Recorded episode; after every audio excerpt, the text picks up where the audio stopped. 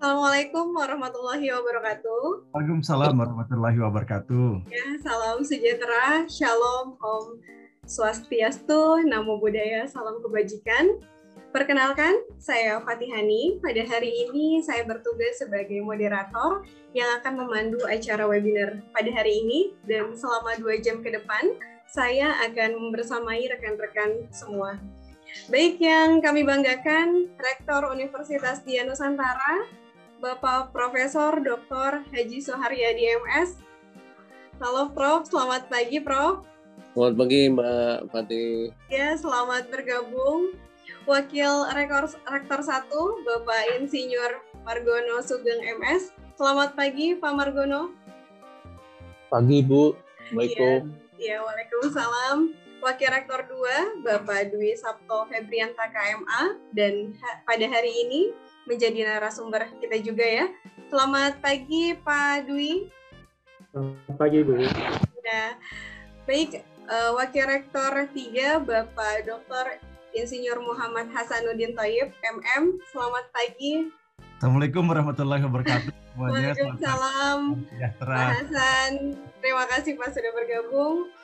Bapak uh, Kaprodi Manajemen Universitas Dian Nusantara, uh, Bapak Dr. Didin Hikmah Perkasa, Selamat pagi Pak.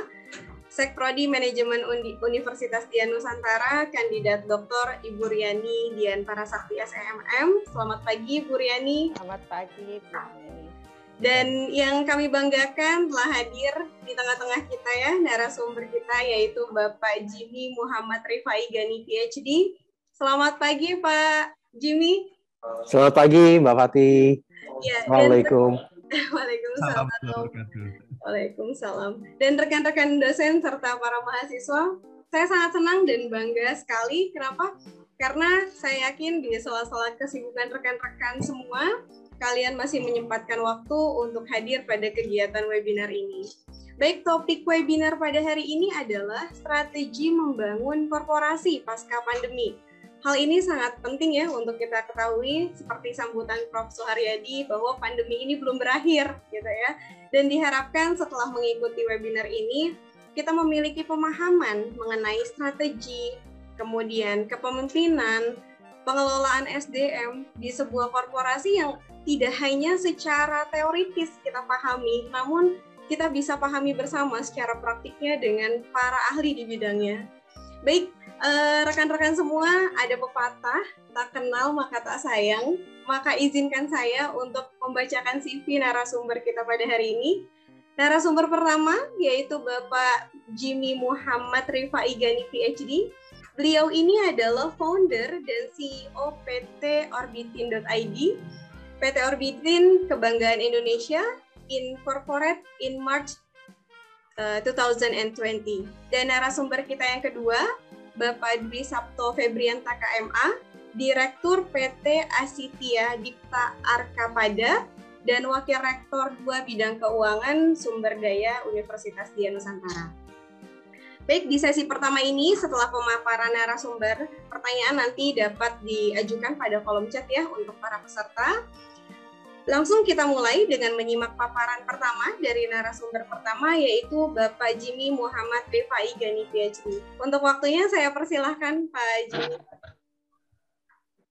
Terima kasih Mbak Fatih. Bismillahirrahmanirrahim. Assalamualaikum warahmatullahi wabarakatuh. Semangat pagi. Semangat Bapak.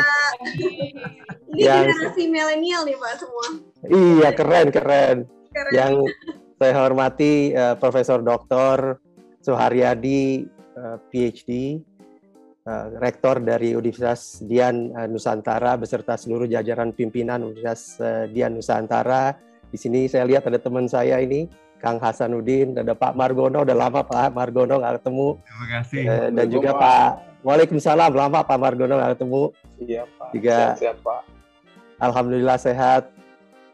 Juga di sini ada Pak Dwi Sabto yang luar biasa juga hari ini juga menjadi uh, apa narasumber uh, seluruh pimpinan yang saya tidak bisa sebut satu persatu. Senang sekali bisa hadir uh, di tengah-tengah webinar ke-24 ya. Jadi uh, apa saya senang sekali ini bisa hadir di uh, tengah-tengah para millennials.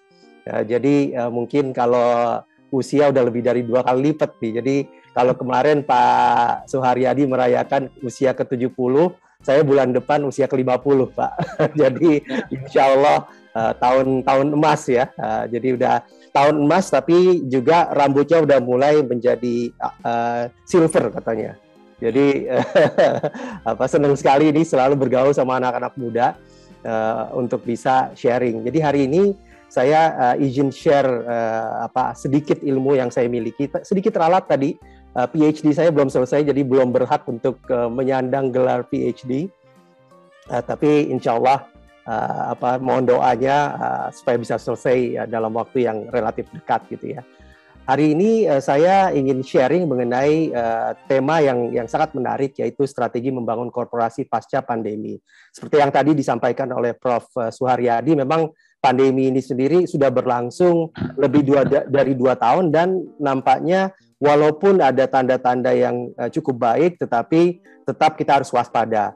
Uh, banyak di antara teman-teman gitu ya saya baru pulang tadi saya cerita sama teman-teman di sini uh, saya baru nganterin anak nomor 2 sama nomor 3 uh, saya untuk kuliah di University of Queensland di Brisbane itu di sana udah buka masker semua mereka udah uh, seperti udah nggak ada pandemi lagi ya mungkin juga udah capek gitu ya di lockdown kemudian nggak bisa ke mana-mana. Dan bisnis sudah berjalan uh, seperti biasa lagi gitu. Saya ke Gold Coast tadinya kota mati karena sangat mengandalkan pariwisata, tapi sekarang sudah menggeliat kembali.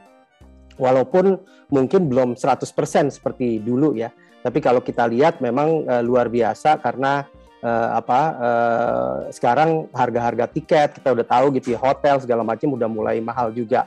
Jadi uh, hari ini saya mau share uh, beberapa hal. Yang pertama, saya ingin share mengenai current trends, trends-trends yang uh, yang ada uh, sebelum pandemi dan juga beberapa waktu terakhir ini. Kemudian bagaimana dalam current trends itu kita membangun mindset uh, bisnis yang uh, yang uh, winning gitu ya, yang mem mem uh, memudahkan kita untuk menjadi pemenang. Kemudian baru kita bicara mengenai uh, strategi bisnisnya uh, pasca uh, pandemi. Kemudian harapannya nanti bisa uh, diskusi lebih lanjut lagi. Jadi saya akan diskusi uh, akan uh, memulai materi saya ini dalam perspektif yang uh, saya dapatkan dari berbagai pengalaman saya sebagai uh, seorang pengusaha, sebagai seorang uh, mantan dirut di BUMN, sebagai seorang mantan ketua sekolah tinggi atau rektor dan juga uh, sebagai uh, mantan advisor uh, di Kementerian uh, Desa uh, yang membuat mudah-mudahan perspektif yang saya miliki uh, lumayan uh, apa uh, beda pandang uh, dari berbagai perspektif gitu ya. Nah uh, sekarang juga saya aktif di berbagai macam organisasi walaupun tadi um, perlahan-lahan uh, uh, usaha yang saya sudah rintis uh, 20 tahun terakhir ini udah mulai uh, anak saya yang baru yang pertama beserta uh, mantu saya yang baru pulang dari Eropa ini mulai take over gitu baru sebulan yang lalu. Jadi uh, apa saya udah bisa mulai juga uh, melakukan hal-hal lain uh, di komunitas, kemudian uh, di bisnis juga saya membantu di berbagai uh, apa uh, di berbagai uh, perusahaan. Nah, uh, ini sedikit uh, apa gambaran tentang perusahaan uh, kami yang mana dimulai dari saya seorang diri. Sekarang kita uh, memiliki berbagai macam uh, inisiatif yang terakhir yang tadi disampaikan oleh Mbak Fatih yaitu Orbitin. Orbitin ini sebetulnya uh, untuk uh, saya udah terlalu uh, apa? Saya udah terlalu tua gitu. Jadi CEO startup gitu ya. Harapannya nanti uh, anak saya baik yang pertama maupun yang kedua atau ketiga saat mereka kembali itu bisa take over gitu. Jadi saya hanya mengawali saja. Uh, ini adalah uh, inisiatif kita bersama dengan Tempo Intimedia uh, TBK. Jadi uh, perusahaan uh, publik di bidang media uh, Tempo Group ya. ya. Mereka punya berbagai macam termasuk majalah Tempo dan lain-lain.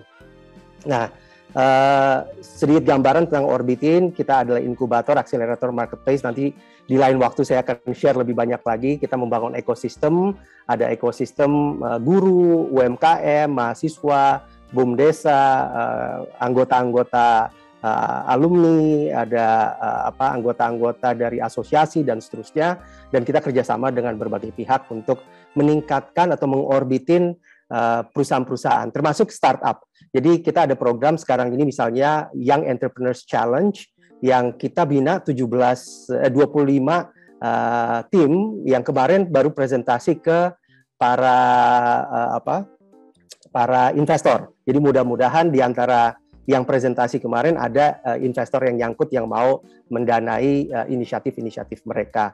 Uh, saya juga rajin sekarang menjadi juri uh, minggu depan hari Rabu jadi juri di uh, FedEx uh, Asia Pacific Competition. Jadi kira gambaran sedikit tentang uh, apa uh, kegiatan uh, kegiatan kami.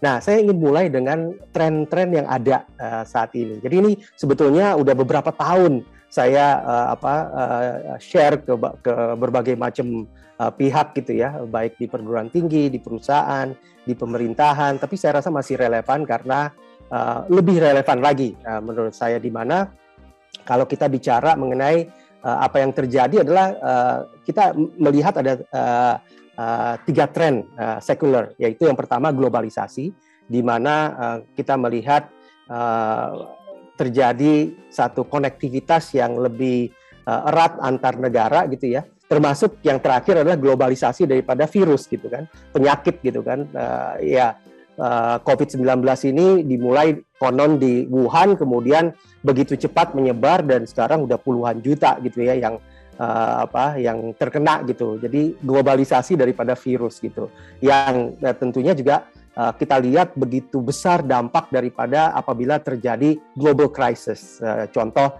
Ukraina sama Rusia yang sedang menegang itu dampaknya ke semua negara karena uh, terjadi apa krisis juga energi, krisis komoditas dan lain-lain yang menyebabkan angka-angka komoditas naik dan tentunya itu mengakibatkan inflasi yang tinggi gitu ya. Kita dengar Pak Jokowi beberapa hari yang lalu menyampaikan bahwa tahun 2023 ini dunia gelap gitu karena banyak yang akan ma masuk ke dalam resesi dan kita harus siap untuk itu.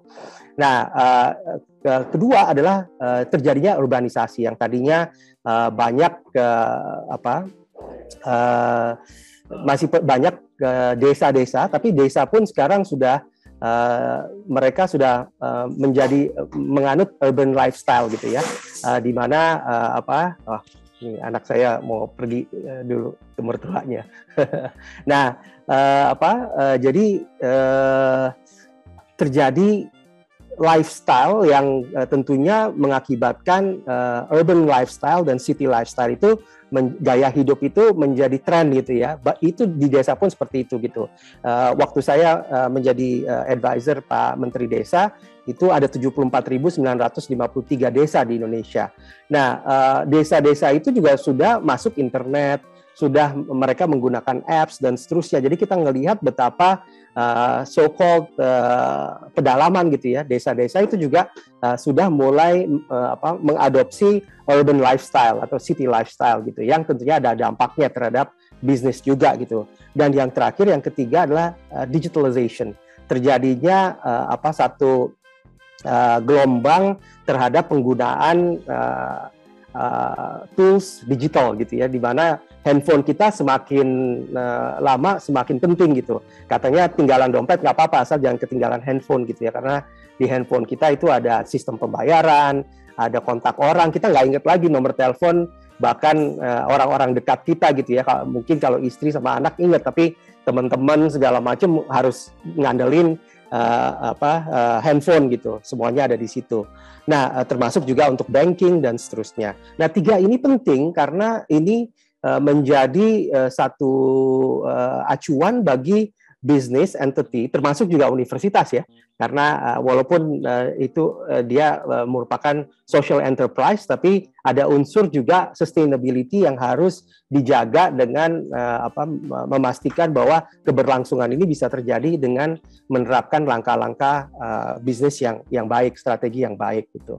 Nah tiga hal ini uh, merupakan secular trend yang ada uh, saat ini dan terjadi juga pergeseran dari competitive base gitu ya. Kalau saya belum lahir di tahun 60-an tapi memang waktu Deming uh, memperkenalkan uh, productivity kemudian kaizen uh, berlomba-lomba perusahaan itu uh, mengefisiensikan organisasi mereka. Sehingga uh, cost and quality cost itu menjadi tumpuan daripada uh, competitive base di uh, perusahaan market demand-nya itu lebih cenderung kepada cost jadi gimana harga harga murah gitu ya uh, dihasilkan oleh perusahaan kemudian di tahun 70-an market demand-nya bergeser bukan hanya efficient organization tapi juga quality organization. Jadi orang udah mulai bicara uh, apa standard uh, ISO, kemudian kembali lagi Kaizen, uh, Six Sigma dan seterusnya itu udah mulai bergulir tuh uh, apa konsep-konsep itu sehingga uh, apa perusahaan yang mengedepankan efficiency and quality itu menjadi pemenang daripada market gitu ya, persaingan di market. Dan di tahun 80-an udah bergeser kepada flexible organization yang mengedepankan terhadap choice, jadi pilihan.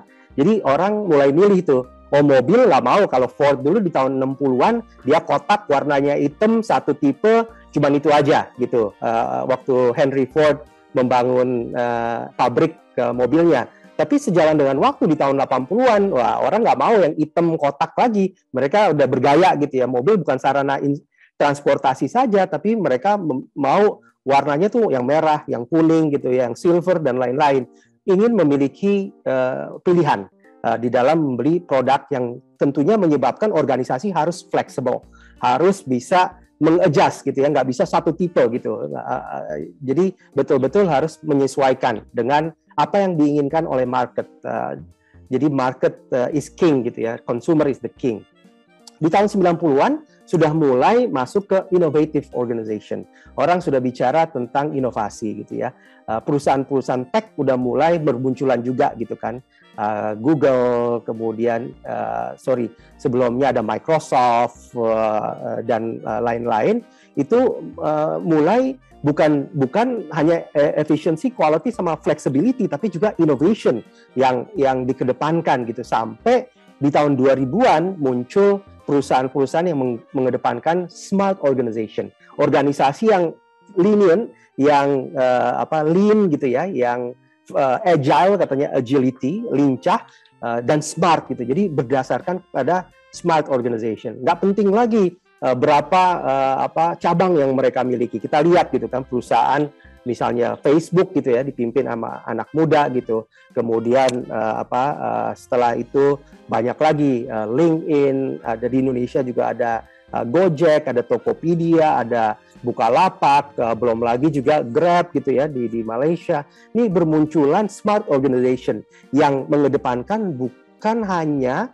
uh, mengedepankan cost, quality, choice, and innovation, tapi juga competitive brain. Jadi yang penting di dalam organisasi itu adalah ada nggak uh, pengetahuan yang cukup. Jadi knowledge based organization gitu ya, smart organization di tahun 2000-an dan sampai sekarang gitu. Kalau kita lihat itu berarti uh, uh, landscape-nya sekarang ini adalah basisnya itu bukan hanya menjadi yang termurah gitu. Karena kalau termurah aja kita uh, apa ba banyak yang bisa lebih murah atau bahkan sorry bukan hanya uh, bukan mereka murah tapi belum tentu dipilih karena mereka mau lihat kualitinya bagaimana uh, choice yang ditawarkan apa aja uh, newer apa ada nggak barang-barang baru gitu? Makanya kalau handphone itu kan di zaman dulu produk itu uh, uh, mungkin uh, lifetime-nya itu lima tahun baru ganti model baru gitu ya. Sekarang nggak bisa lagi. Yang namanya handphone itu mungkin setiap tahun setiap dua tahun gitu ya. Dan makin ke sini makin uh, newer-nya itu makin terasa gitu ya.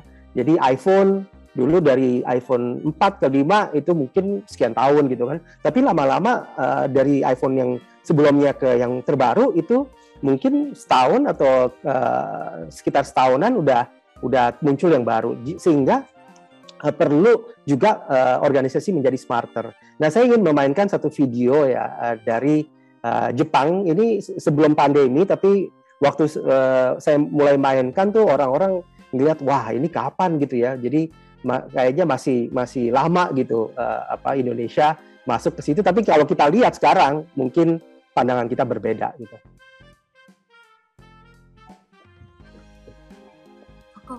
Nah ini ini di desa ya, bukannya di kota, jadi small town gitu. Desanya di Jepang. Jadi delivery itu udah digambarkan pakai uh, drone gitu ya dan IoT AI itu udah udah dikedepankan gitu. Bahkan uh, semua itu di, dipesan lewat uh, apa AI speaker gitu, AI consumer electronics untuk dan kembali lagi kalau mesen makanan segala macam itu bisa lewat AI speaker gitu. Semua udah udah lewat uh, ini telemedicine. Ini kita udah mulai lihat ya di Indonesia juga akhir-akhir ini kan kita dengan COVID ini uh, apa uh, telemedicine tuh jadi populer, Halodoc, Halodoc dan seterusnya. Dan kita juga udah mulai lihat smart agriculture gitu.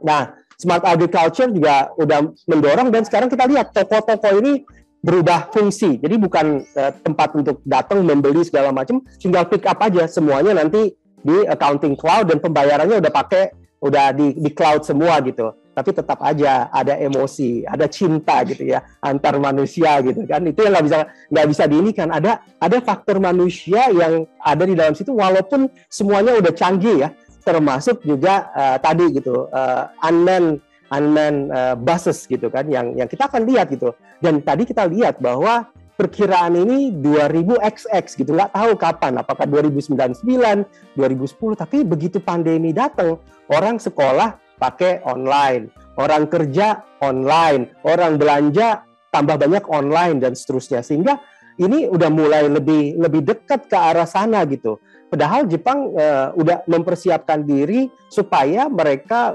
uh, ber, uh, bertransformasi dari yang tadinya ya kita tahu hunting society udah lama gitu ya, agrarian society ya di desa-desa menjadi industrial society, information society, sekarang sudah super smart society. Nah, super smart society ini antara lain dengan munculnya super super apps gitu. Kita mau uh, menggunakan moda transportasi udah udah pakai super app semua gitu kan Gojek atau Grab atau apa pun gitu namanya. Di di luar juga seperti itu gitu ya. Jadi udah udah canggih semua. Kita mau makan juga sama gitu. Nggak di Indonesia di Australia juga sama saya lihat gitu ya.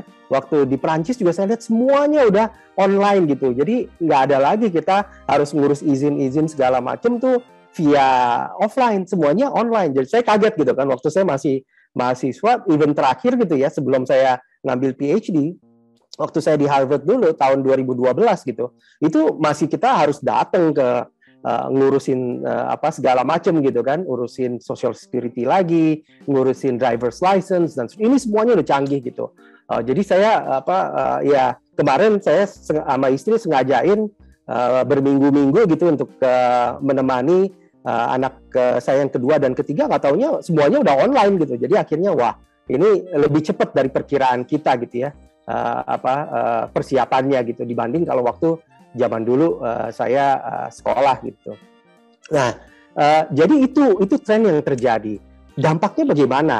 Nah, uh, yang paling penting sekarang adalah kalau kita lihat seperti itu akan terjadi pergeseran di mana yang paling mahal itu adalah otak-otak gitu. Jadi kalau bicara tentang repetitive uh, repetitive task tugas-tugas yang sifatnya berulang-ulang gitu ya. Apakah itu di pabrik apakah misalnya teller gitu kan diganti ATM kalau pab, uh, di pabrik itu uh, buruh itu digantikan dengan robot gitu kan. Guru juga sekarang udah bisa tergantikan dengan apa dengan online gitu. Satu guru udah bisa menangani jutaan bukan hanya ribuan ya tapi jutaan gitu. Di, direkam masuk ke dalam uh, app seperti ruang guru yang menyaksikan tuh bukan satu dua orang bukan satu kelas 40 orang tapi udah jutaan orang Eh, begitu juga kita lihat juga uh, apa dengan uh, YouTube misalnya semua udah bisa memiliki studio. Nah di situ perlu ada perubahan uh, mindset dan kita harus memiliki mindset yang winning mindset tadi karena winning mindset ini penting.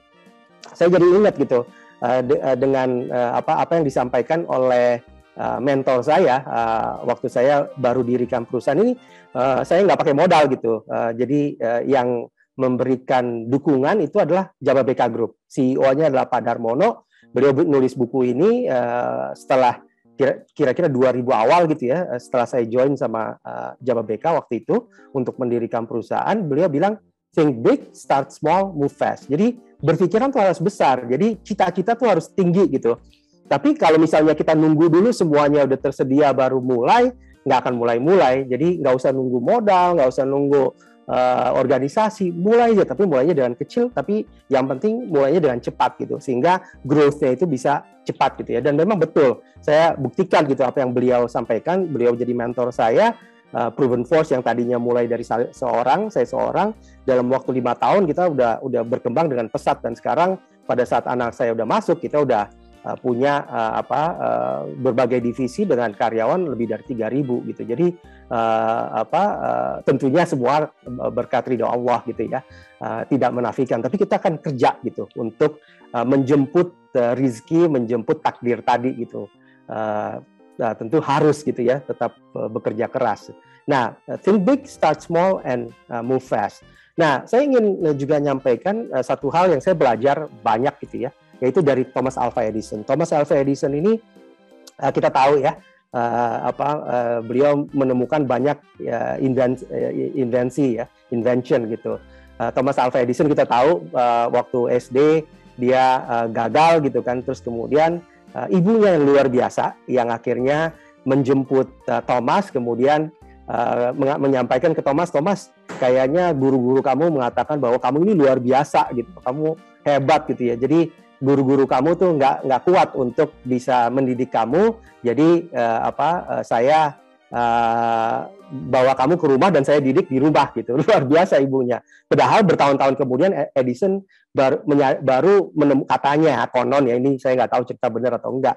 Tapi konon menemukan uh, surat uh, di mana guru-gurunya itu menyampaikan bahwa uh, ke, ke ibunya bahwa mereka mengembalikan Thomas Alva Edison ke ibunya karena mereka nggak kuat untuk mendidik Thomas Alva Edison yang dianggap tidak mampu untuk menerima uh, apa uh, menerima pelajaran dengan baik sehingga mereka give up gitu. Uh, mereka bilang dibawa pulang aja ibunya saja yang ngajar gitu dan ibunya luar biasa. Setiap kali Thomas uh, nanya dia akan akan mencari uh, dia akan mencoba untuk menjawab. Kalaupun dia nggak tahu jawabannya sederhana. Dia bilang Thomas ibu tidak uh, tidak tahu jawabannya tapi perkenankan ibu untuk mencari tahu supaya nanti saya ibu bisa sampaikan. Wah itu guru yang luar biasa. Uh, apa bisa bisa dengan sabarnya gitu ya. Guru-guru yang profesional aja nggak nggak nggak uh, mampu gitu ya. Tapi ini ibunya dengan sabarnya mendidik sehingga Thomas menjadi hebat seperti ini. Dan satu quote yang saya ingin uh, ambil dari dari Thomas Alva Edison karena Thomas Thomas tuh waktu dia menemukan uh, lampu pijar itu uh, ditanya oleh orang-orang gitu ya. Uh, ya taruhlah wartawan gitu ya. Konon ini ceritanya. Uh, ditanya, "Thomas, kamu tuh uh, luar biasa ya. Kamu gagal 999 kali untuk menemukan uh, apa formula lampu pijar terus ke seribu kali baru berhasil gitu. Kok bisa sih katanya?" Terus Thomas berpikir sedikit, akhirnya dia jawab gini, "Oh, kamu ya kira-kira gini sebetulnya Anda tuh harus merubah mindset Anda katanya kira-kira gini. Jadi saya tidak 999 kali gagal, tapi saya 999 kali berhasil menemukan formula yang salah katanya gitu. Berhasil menemukan formula yang salah. Sebetulnya kurang lebih sama ya, tapi yang satu melihatnya dari sisi positifnya karena dia menurut dia kalau dia tidak berhasil menemukan satu persatu formula yang salah itu belum tentu dia dapat yang ke seribu di mana dia berhasil menemukan formula yang tepat gitu. Jadi dalam bisnis juga sama. Saya uh, mungkin perusahaan yang saya bangun itu udah puluhan gitu ya. Uh, tapi yang berhasil mungkin hanya bisa dihitung pakai jari gitu. Jadi I would say 90%, 95% gagal gitu. Kalau ngelihat dari kegagalan. Tapi kan orang ngelihatnya, oh, Gibi tuh berhasil membangun uh, Proven Force Indonesia, JG Corp dari nggak ada terus ini gitu ya. Saya juga uh, sampaikan uh, saya uh, apa juga invest gitu ya. Saya seorang investor juga gitu di secara uh, di di perusahaan pasar modal maupun enggak gitu. Di di uh, apa anak-anak muda dan seterusnya. Wah, saya tapi saya nggak pernah berhasil di, di di pasar modal sebelumnya. Saya mulai tahun 2008 gitu ya. Uh, saya masuk ya waktu itu nilainya nggak nggak banyak gitu ya mungkin masih ratusan juta lah gitu tapi 90% daripada uh, investasi saya itu gagal jadi saya dari kalau nggak salah 200 juta sisa 20 juta gitu sekarang uh, apa uh, dan saya anggap itu uang sekolah gitu ya karena saya senang sekolah emang. Di tahun 2018 17 saya ketemu lagi seorang yang hebat namanya Lo Keng Hong. Mungkin satu hari juga boleh tuh diajak uh, untuk ini. Ya waktu itu saya rektor IPMI uh, beliau cerita gitu ya tentang pasar saham. Saya mikir wah ini luar biasa ya. Sebetulnya juga di pasar saham itu kan terba- terdapat uh, apa uh, karyawan yang banyak dan perusahaan-perusahaan yang banyak yang menghidupi karyawan dan keluarga yang banyak. Jadi kita dan itu menopang ekonomi nasional gitu. Sehingga akhirnya saya masuk gitu. Nah, pada saat pandemi saya masuk dengan apa nilai yang lebih tinggi 60% daripada apa 60% daripada nilai investasi saya hilang karena pandemi turun semua gitu ya. Jadi uh, waktu itu uh, apa uh, saya masuk mungkin 300 gitu ya setelah hilang 200 sisa 120 lah gitu 180-nya hilang gitu ya. Tapi terus saya nggak nggak give up gitu karena saya mulai belajar. Saya uh, apa udah pensiun kan dari uh, sebagai uh, advisor menteri sebagai rektor. Jadi saya akhirnya punya banyak waktu dan saya kerja dari rumah gitu. Saya mulai uh, apa belajar tentang investasi bukan hanya kembali lagi uh, apa supaya bisa-bisa benar-benar bisa belajar. Akhirnya saya mulai masuk lagi, masuk lagi dan luar biasa sekarang uh, setelah dua tahun yang itu yang hilang-hilang itu uang sekolah itu udah berkali-kali lipat gitu dapatnya ya. Jadi udah kalau bicara pensiun udah udah jauh lebih cukup daripada uh, ini ya. Uh, jadi uh, apa uh, uang sekolah anak segala macam udah ketutup gitu. Uh, nilainya luar biasa gitu. Jadi uh, kembali lagi tapi tapi dimulai dari banyak kegagalan dulu. Begitu juga dengan perusahaan-perusahaan gitu ya. Jadi uh, kita justru kegagalan itu yang menjadikan kita lebih baik gitu kira-kira gitu. Nah uh, kita menjadi orang yang optimis. Nah Winston Churchill pernah pernah uh, apa uh, menyampaikan bahwa ada perbedaan yang tipis antara yang disebut sebagai pesimis dengan optimis. Dia bilang seorang pesimis itu senantiasa melihat ke apa uh, uh, difficulty, kesulitan di dalam semua kesempatan. Jadi selalu melihatnya ah ada kesempatan ini, ah enggak susah. Lihat kesempatan ini, ah enggak itu repot. Kasih ini, oh saya nggak bisa dan seterusnya. Tapi seorang optimis melihatnya beda. Dia melihatnya an optimist sees opportunity in every difficulty. Justru di setiap kesulitan-kesulitan, kalau ada macet, gimana saya bikin ads supaya bisa uh, apa membantu untuk mengurai kemacetan itu. Bikinlah Gojek. Uh, ada orang yang mau belanja tapi malas ke toko. Mereka uh, tokonya mungkin di Surabaya, saya ada di di Bali gitu. Di, dia dibukalah Tokopedia gitu kan dan seterusnya ini apa dia ngeliat justru difficulty itu menjadi opportunity. Nah, Winston Churchill menyampaikan seperti itu.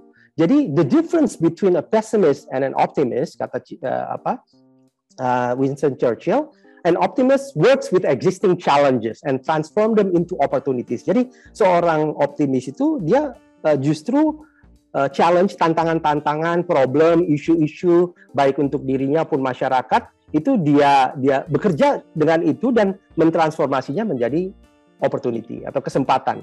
Nah, sehingga bisa ngambil advantage daripada opportunity itu untuk menjalankan successful journey gitu ya uh, dan mengambil uh, tanggung jawab dan akuntabilitas dan maintain passion yang nanti kita akan diskusikan juga.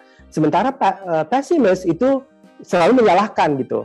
Jadi, ah, ini saya gagal karena ini. Ah, ya tadi ya, uh, apa kalau Thomas Alva Edison nah, itu seorang optimis gitu. Dia nggak menyalahkan oh ini yang kesalahan ini karena si ini ini karena uh, bahannya begini ini kan dia nggak melihat itu. Dia justru melihat challenges itu dan melihatnya untuk ditransformasi menjadi opportunity. Bayangkan kalau misalnya uh, Thomas Alva Edison berhenti di uh, apa uh, attempt yang ke 998 misalnya dia stop pada saat ah saya udah 990 kali 8 kali gagal.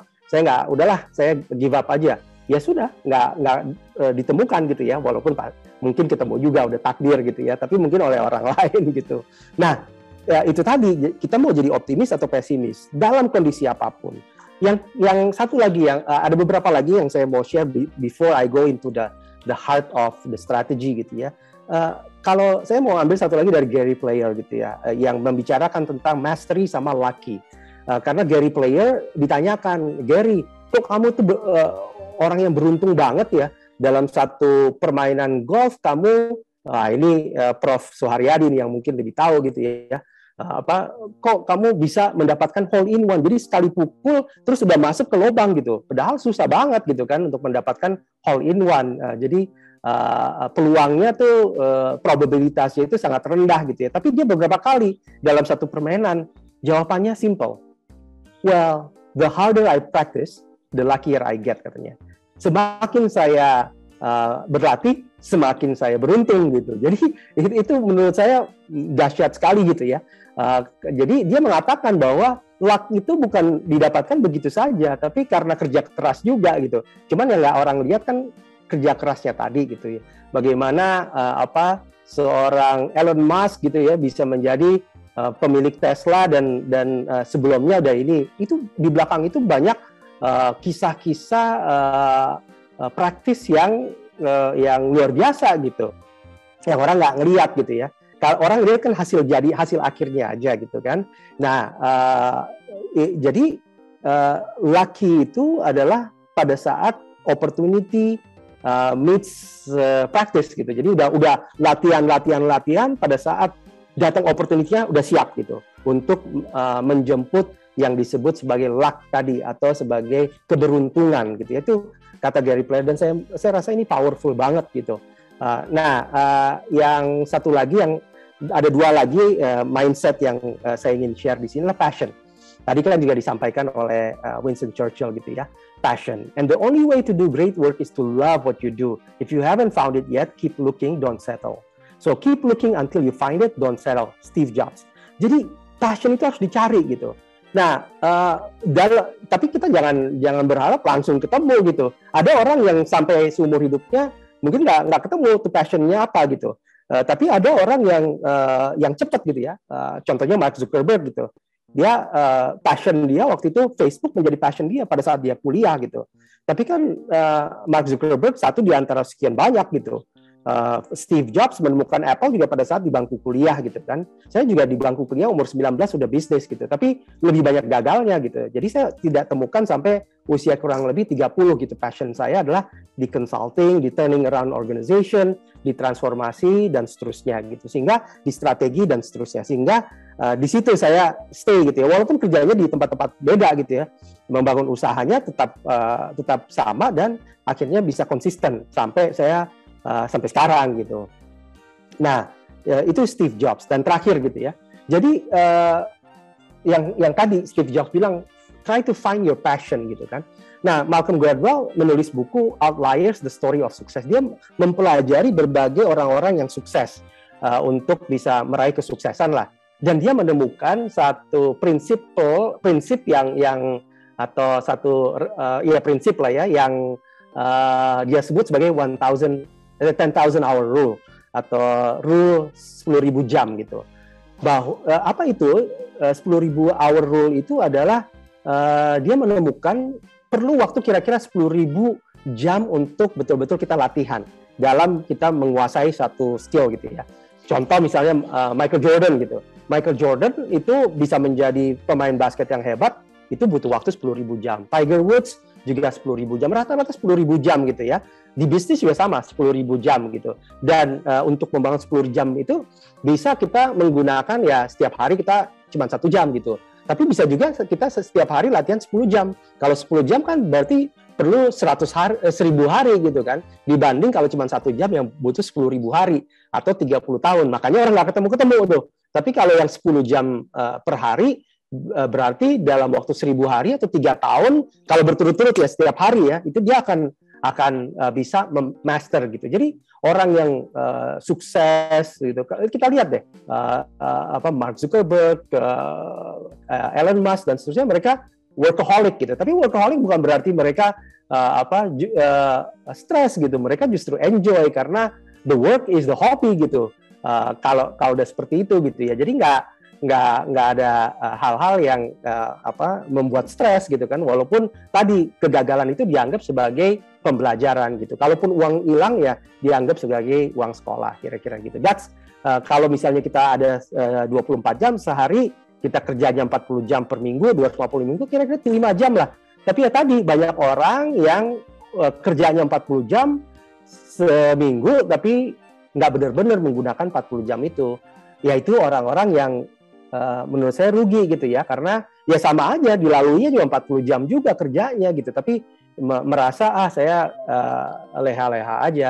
Uh, saya kerjanya satu jam aja. Akhirnya masterinya itu butuh waktu lebih dari lima tahun. Jadi uh, apa uh, itu uh, itu uh, apa ya mindset mindset uh, dari berbagai macam sumber yang saya bisa share gitu ya, yang mempengaruhi saya juga gitu dalam melaksanakan bisnis dan lain-lain. Nah sekarang bagaimana strateginya post pandemic strategy? Karena tadi uh, the pandemic has created challenges.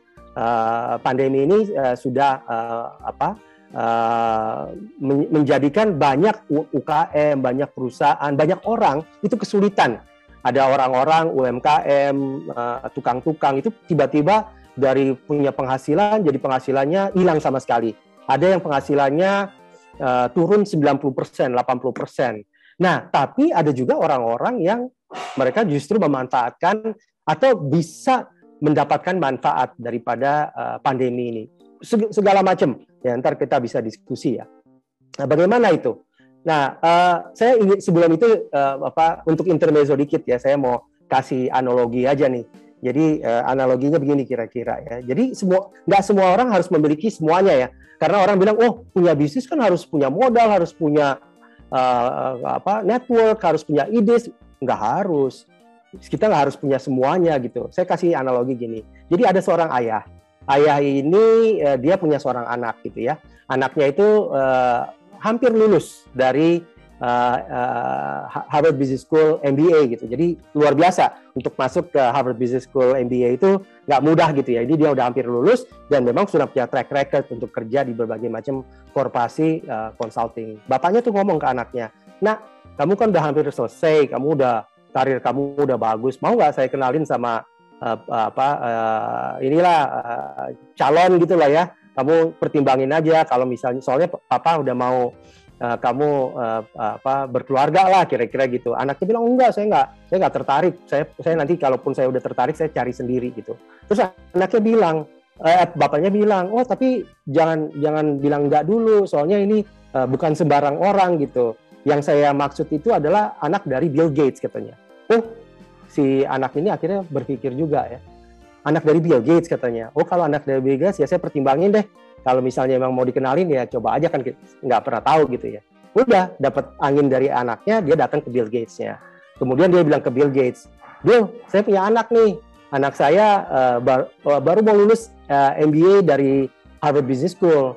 Uh, kenapa emang? Kata Bill. Saya oke okay, dat datang aja ke saya mungkin saya bisa kasih kerjaan. Oh enggak enggak enggak katanya bapaknya. Dia bilang saya mau memperkenalkan dia ke anak kamu siapa tahu kita bisa berbesan kan berketawa-ketawa gitu Bill Gates bilang ah banyak yang mau jadi uh, besan saya atau mau jadi mantu saya gitu. Uh, dia kelebihannya apa kalau sekedar eh, MBA dari Harvard aja banyak gitu. Terus bapaknya bilang, "Oh enggak, ini bukan bukan orang biasa anak saya ini. Dia walaupun dia belum lulus Harvard MBA tapi dia uh, sudah diterima sebagai vice president di World Bank gitu. Bayangin orang uh, umur berapa baru, baru bisa jadi vice president uh, di World Bank dan bisa uh, apa uh, langsung di bawah uh, Presiden World Bank. Wah, Bill Gates tertegun dia bilang, "Oh ya udah kalau gitu saya tertarik nih. Coba deh kamu uh, bawa deh anak kamu nanti kita kenalin gitu." Nah, dari situ bapaknya datanglah ke presidennya World Bank. Dia bilang, "Mr. President," katanya, "saya punya anak nih mau lulus uh, MBA dari Harvard Business School." "Oh ya? Dia mau kerja di sini." Iya, tapi uh, Anda harus ngasih dia posisi yang bagus gitu. Oh, dia bilang banyak ngantri di luar sana yang lebih berpengalaman, lebih hebat, lebih uh, segala macam lah, lebih lebih segala macam lah. Oh, tapi pak bapaknya bilang, tapi ini bukan sembarangan. Ini anak saya ini bukan hanya mau lulus MBA, dia punya pengalaman, tapi juga dia calon menantunya dari Bill Gates gitu. Dan uh, nanti tentu Bill Gates akan, akan mempertimbangkan untuk membantu World Bank gitu ya. Langsung di, di uh, okein, kemudian anaknya lulus MBA, dapat uh, apa uh, dapat uh, ayah mertua Bill Gates dan kerjanya jadi vice president di uh, World Bank. Itu eh, itu tentu bukan kisah nyata gitu ya, tapi ini menggambarkan betapa kalau kita punya uh, apa kita bisa membangun uh, satu inisiatif tanpa sebetulnya kita uh, punya segalanya dari awal gitu. Nah, Kak Sun Tzu mengatakan bahwa kita harus tahu siapa diri kita. Kita harus tahu siapa lawan kita. Kita harus tahu bagaimana medan perangnya. Dan ini sangat relevan di bisnis gitu karena di bisnis itu kalau kita tidak tahu kekuatan kita, kita tidak tahu kekurangan kita, kita tidak tahu kekuatan daripada enemy, apa saja uh, apa uh, juga uh, kelemahan daripada lawan kita, bagaimana kemudian medan perangnya, apa aja opportunity yang ada, threats-nya bagaimana, itu kita akan susah untuk memenangkan peperangan karena semua ini it's all about competition ya. Paling sedikit competition untuk diri sendiri gitu ya mulai untuk dunia maupun untuk akhirat gitu. Semuanya it's about knowing ourselves knowing uh, the enemy and knowing the train. Kalau kalau untuk pribadi mungkin uh, enemy-nya itu adalah setan gitu kan uh, apa bagaimana kita menghindari kemaksiatan bagaimana kita menghindari untuk berlaku yang kurang bagus dan seterusnya uh, sehingga kita tahu medan yang kita hadapi seperti apa. Dan dalam bisnis itu sebetulnya uh, ingredientnya tuh nggak apa ya tujuh ini untuk memulai gitu. Ide bagaimana bisa komunikasikan ide skills dan, dan strateginya bagaimana passion kemudian winning mindset attitude mentality network capital gitu. Kira-kira uh, apa gambarannya seperti itu nah bagaimana kita meramu uh, apa bahan-bahan ini untuk menjadi Eh, satu masakan yang luar biasa itu kepiawaian daripada tergantung kepiawaian daripada pemasaknya gitu. Jadi nggak nggak nggak penting uangnya ada berapa network kita banyak atau ide kita banyak. Enggak, bukan itu yang penting. Tapi bagaimana kita meramu apa yang kita punya dan apa yang kita tidak punya sehingga itu bisa kita ambil dari berbagai macam sumber, kita jadikan masakan yang enak untuk mendapatkan hasil yang baik. Itu saya nggak punya uang waktu memulai usaha ini, uh, usaha uh, yang sekarang uh, sudah berkembang ini gitu ya. Tapi saya ketemu Pak Darmono, saya nggak punya uh, apa juga skills yang cukup untuk uh, bisa mulai sendirian. Akhirnya saya rekrut orang, uh, saya nggak punya kantor, dipinjemin sama Jawa BK dan seterusnya. Akhirnya mulai, mulai dari situ dan dan alhamdulillah bisa jalan gitu ya. Jadi perlu strategi dan strategi itu adalah it's a plan of action. Jadi rencana aksi atau policy ya kebijakan untuk bagaimana kita mencapai satu tujuan kita gitu. Dan kalau saya belajar kebetulan saya apa kuliah sama uh, Profesor Michael Porter guru daripada strategi, beliau cerita gitu. Uh, strategy strategy 101 is about choices. Jadi kita harus memutuskan kadang-kadang kita mencoba untuk uh, memberikan kesenangan atau menyenangkan uh, semua orang, tapi nggak bisa. Jadi dia bilang you can't be all thing to all people gitu. Ini ini menurut saya powerful banget gitu, dahsyat gitu ya. Uh, kita kadang-kadang mau menyenangkan si A, sementara kita mau menyenangkan si B, si C, si D, si E sampai si Z gitu ya. Wah luar biasa gitu. Saya sekarang lagi ngebantu uh, ibu kota Nusantara gitu, dan uh, di ibu kota Nusantara ini mulai dari presiden, menteri-menteri, uh, kepala lembaga, gubernur semua punya uh, uh, termasuk yang netizen gitu ya semua pengen uh, punya suara gitu tapi kalau kita hanya cari popularitas saja untuk bisa berhasil nggak bisa. Kita harus punya strategi kira-kira gitu. Nah di dalam sesi lain kali mudah-mudahan nanti bisa saya share gitu ya uh, mengenai itu. Karena kita challenging sekali. Terakhir ini. Ya, izin ya, uh, ya. menit lagi oke okay, ini dua slide lagi terakhir. Nah jadi kita bicara tentang business strategy itu ada tiga hal yang penting gitu. Yang pertama adalah hard thinkingnya, berpikirnya. Nah, berpikir ini untuk menentukan spirit to be. Apa sih yang kita inginkan? Apa dream kita? Vision, mission, values kita. Apa yang kita mau ingin ingin uh, kita mau jadi apa gitu? Apa yang kita ingin lakukan? Bisnis kita apa? Kemudian kita lakukan analisa industrinya bagaimana, kompetitor uh, kompetitornya bagaimana, uh, internal kita seperti apa, bikin uh, SWOT analysis dan seterusnya. Ini semua tersedia gitu ya. Nanti kalau uh, saya yakin uh, guru strategi uh, di Undira bisa bisa uh, memberikan pendalaman lebih lanjut gitu. Jadi setelah kita melakukan pemikiran yang mendalam terhadap apa yang kita inginkan, baru kita mengambil keputusan-keputusan yang susah gitu. Termasuk di, di pasca pandemi ini ya, di mana kita mau compete, kita harus uh, apa uh, masuk ke strategic positioning dan bagaimana kita compete. Jadi intinya uh, mengambil uh, apa pilihan-pilihan uh, yang sulit karena nggak tadi kan you can't be all things to all people. Jadi kita harus masuk produk ya produk kalau mau mahal ya mahal sekaligus gitu. Jangan kita mau uh, jualan uh, Ferrari tapi kita juga mau menang di pasar uh, uh, Daihatsu gitu kan. Nah ini ini jadi kita harus memastikan bahwa we make the hard choices gitu dan menetapkan inisiatif-inisiatif strateginya apa. Uh, dan perlu creative mix and match ya di bawah sini, creative mix and match.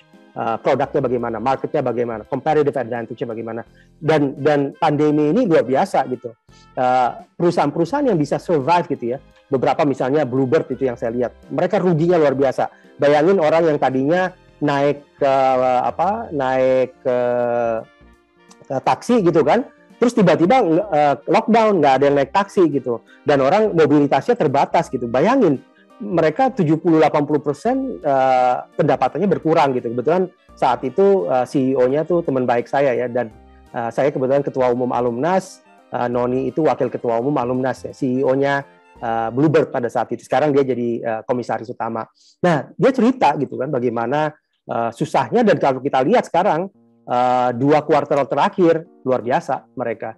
Ya, mereka pada saat-saat sulit itu mereka bertransformasi, mereka menggunakan apps uh, lebih jauh lagi, kemudian mereka masuk ke logistik dan seterusnya. Itu mungkin nanti satu hari bisa bisa diajak bicara juga. Nah, setelah lakukan hard choices itu, kita lakukan relentless execution. Kalau uh, uh, Peter Drucker menyampaikan bahwa ini cuma lima persen nih uh, hard thinking and creativity mix and match. Tapi hard worknya itu adalah uh, 90 sampai 95 persen untuk mendapatkan superior performance. Intinya adalah hard bukan hanya hard work, tapi juga kita harus punya mimpi, kita harus uh, mengambil keputusan-keputusan sulit, baru kita kerja keras. Karena kalau kerja keras tanpa strategi, dia kita akan hanya mendapatkan ya performance ya yang biasa-biasa aja tapi kalau strategi tanpa kerja keras, ya itu cuma mimpi aja gitu. Tapi kalau strategi yang bagus, kerja keras ya kayak tadi uh, apa Gary Player bilang performance-nya superior dan uh, ini ini semua ya Profesor Michael Porto sampaikan uh, perlu di, dilakukan melalui satu uh, competitive uh, landscape yang baik untuk perusahaan gitu ya yang mungkin nanti uh, karena waktunya habis nanti kita uh, share lebih lanjut lagi lah gitu ya Mbak Fatih ya. Uh, saya rasa itu yang yang ingin saya sampaikan ya mudah-mudahan apa ada gunanya gitu dan untuk teman-teman mahasiswa ini jangan jangan takut untuk mimpi gitu. Mimpi itu boleh besar. Mimpi yang pertama tentu harus masuk surga gitu ya. Itu boleh tanya Kang Hasan gitu. Nah, mimpi yang kedua gimana punya universitas, bisa kaya raya, bisa sukses seperti uh, Prof. Suharyadi gitu. Nah, itu tanya tuh sama Pak Prof. Suharyadi. Terus jadikan cari mentor gitu kan untuk bisa mengarah ke sana sehingga mimpi-mimpi kita ya kalau bisa uh, muda kita sukses, kita kaya, terus tua kita sehat, kemudian uh, matinya masuk surga, kira-kira gitu kan katanya kan ya, insya Allah ya. Jadi uh, uh, apa uh, holistic uh, approach, jangan uh, jangan uh, sepotong-sepotong gitu kan, uh, karena uh, memang kita diajarkan bagaimana uh, untuk uh, dalam doa kita juga untuk yang muslim kan selalu kan Robbana atina fid dunya hasanah wa fil akhirati hasanah wa qina adzabannar. Uh, jadi bagaimana kita dapat kebahagiaan di dunia, kita dapat kebahagiaan di akhirat dan dihindarkan dari siksa api neraka. Saya rasa itu. Wabillahi taufik walhidayah. Assalamualaikum warahmatullahi wabarakatuh. Waalaikumsalam. Waalaikumsalam warahmatullahi wabarakatuh. Baik, Pak Jimmy, terima kasih sekali Pak semangatnya. Kalau anak generasi milenial saat ini tuh bilangnya materinya daging banget Pak Jimmy. Alhamdulillah. Alhamdulillah ya, Pak Jimmy banyak bercerita, banyak memotivasi kita bagaimana sebenarnya kita tuh harus punya mimpi ya Pak.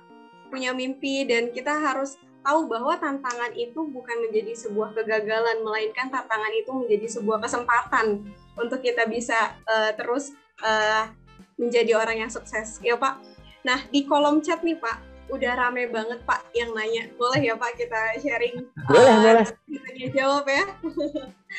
Oke. okay saya uh, dan kebetulan Pak saya mohon izin salah satu dari mahasiswa kita itu adalah karyawan Bapak. Masya Allah. Masya Allah ya. Jadi jadi ternyata ruang lingkup dunia tuh sangat sempit ya Pak ya. dan mudah-mudahan nanti uh, teman-teman dari Universitas Dia Nusantara juga bisa berkontribusi nih Pak setelah lulus dari S1 mungkin bisa masuk ke uh, perusahaan Bapak gitu ya. Mungkin di uh, orbitin atau di perusahaan lainnya. Baik Amin. Pak, uh, saya mulai uh, dari beberapa pertanyaan. Pertanyaan yang pertama, uh, oke okay, sebentar. Ini saking banyaknya nih Pak di kolom chat, saya sampai harus scroll dulu Pak pertanyaannya. Oke, okay. Pertanyaan dari Maulana nih Pak ya, bagaimana sih Pak kita bisa ngeh Pak kalau tadi Bapak bilang tuh mengenai secular trend itu ada tiga globalization, urbanization dan digitalization ya Pak ya, ada tiga poin itu. Bagaimana kita bisa ngeh dengan kondisi seperti itu Pak? Wah menarik. Bisa paham gitu ya. Iya, uh, ya yang paling uh, yang paling bagus adalah kalau kita mengantisipasinya jauh-jauh hari karena kan udah kelihatan gitu kan uh, tren-tren ya contoh gitu ya. Uh, di tahun 2015 dulu nggak ada yang ngelawan Bluebird gitu. Semua rajanya Bluebird tapi ada yang kecil-kecil gitu ya ada Express Taxi ada segala macam. Terus tiba-tiba 2015 itu masuk online Uber, ya. Grab, itu kan kita nggak bisa nggak nggak tiba-tiba kan. Terus tiba-tiba ya Bluebird pada saat itu kalau nggak salah ya, seingat saya 60% pendapatan mereka tuh jatuh gitu. Itu kita nggak nggak ngeh kan, padahal mereka merasa bahwa udah udah melakukan segala macam gitu. Nah jangan sampai kita uh, apa nggak antisipasi seperti itu. Padahal Bluebird tuh hebat, saya tahu persis gitu ya keluarganya tuh bagaimana. Nah bagaimana bisa ngeh itu? Ya mulai dari tadi yang paling yang paling bagus itu antisipasi. Jadi di dalam perusahaan atau kita sebagai pengusaha atau sebagai pebisnis itu rajin untuk ngelihat. Yang paling enak itu kalau kita ngelihatnya ke luar negeri. Karena di Amerika, di Jepang, di eh, China, di Korea tuh mereka lebih duluan. Tapi kalau kita bilang, ah saya nggak ada dana, saya nggak ada yang, oh sekarang semuanya udah tersedia di internet kok. Kita bisa lihat gitu. Oh di, di uh, apa sih tren yang terjadi di Australia, di Amerika. Nah itu nanti kita akan tahu. Tapi lebih gampang ngomongnya daripada dilakukannya. Seringkali kita mengabaikan itu sehingga pada saat udah sakit nih, udah didisrupsi gitu kan. Katanya kan ada uh, apa disruptive innovation kan. Begitu udah didisrupsi, diganggu, terus bisnis kita itu uh, apa jatuhnya luar biasa, baru kita ngeh. Atau yang kemarin pandemi gitu. Kita selama ini mungkin punya restoran, restorannya uh, offline gitu kan, nggak pernah ada uh, uh, jualan online segala macam. Tiba-tiba datang pandemi disuruh tutup, wah habis sudah.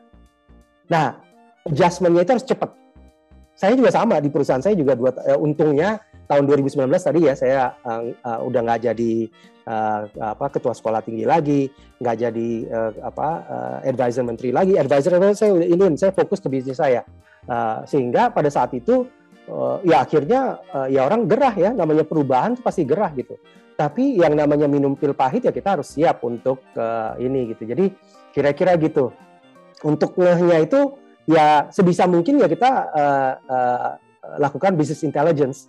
Tapi kalau misalnya sampai terlambat, jangan sampai kita mati dulu baru baru kita sadar gitu. Bisnisnya bisa mati kalau kita nggak uh, artinya uh, karena persaingannya kita nggak bisa ikutin ya udah uh, selesailah gitu uh, bisnis kita kira-kira gitu. Pak, jadi kita harus bisa beradaptasi juga dengan teknologi ya Pak ya. Apalagi ya. Uh, semakin canggih teknologi karena kan biasanya orang selalu berpikir gini Pak, kalau sudah berada di zona nyaman, kadang suka untuk uh, sulit ya mau yeah.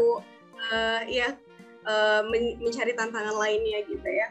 Oke, baik. Terima kasih Pak Jimmy atas uh, jawaban yang luar biasa. Semoga bisa uh, menjawab ya pertanyaan dari Mas Maulana.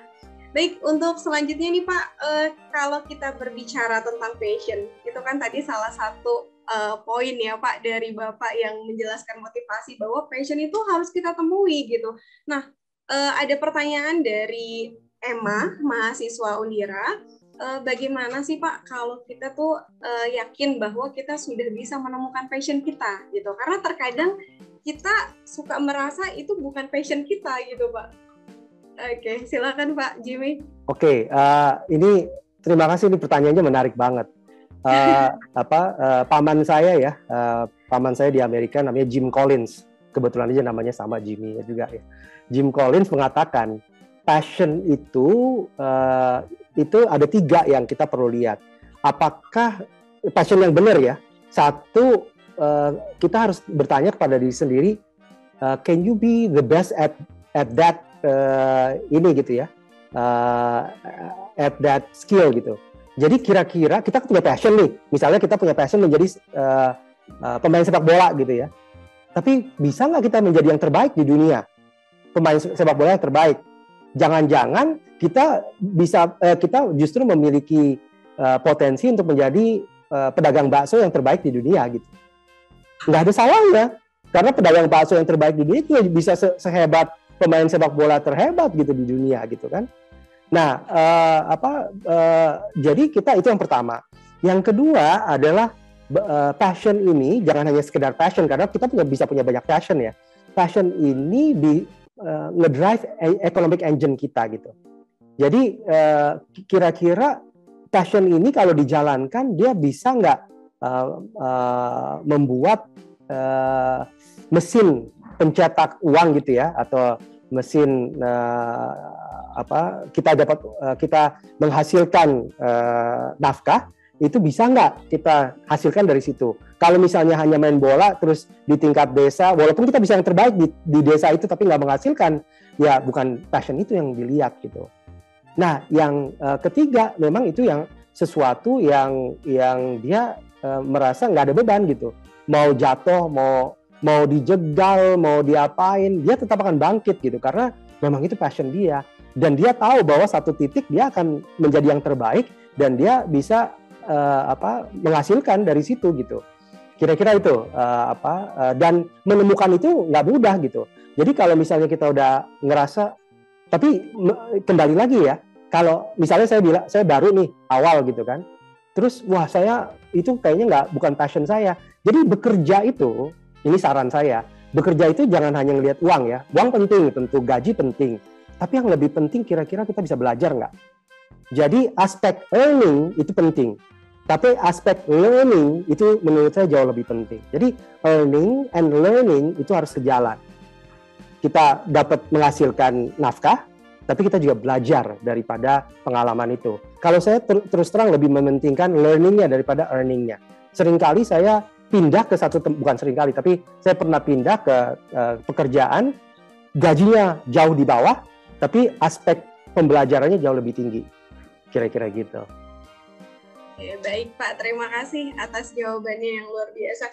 Jadi kalau saya boleh uh, menarik kesimpulan bahwa memang uh, semua itu butuh proses ya Pak dalam kita menemukan passion. Kita nggak bisa langsung setelah mencoba sekali bisa oh ini adalah passion kita gitu. Lalu kemudian kita gagal, kita nggak mau bangkit lagi gitu ya. Nah uh, seperti yang tadi Bapak bilang uh, banyak ada apa uh, sampai seribu kali mencoba gitu ya Pak harus itu yang paling penting gitu.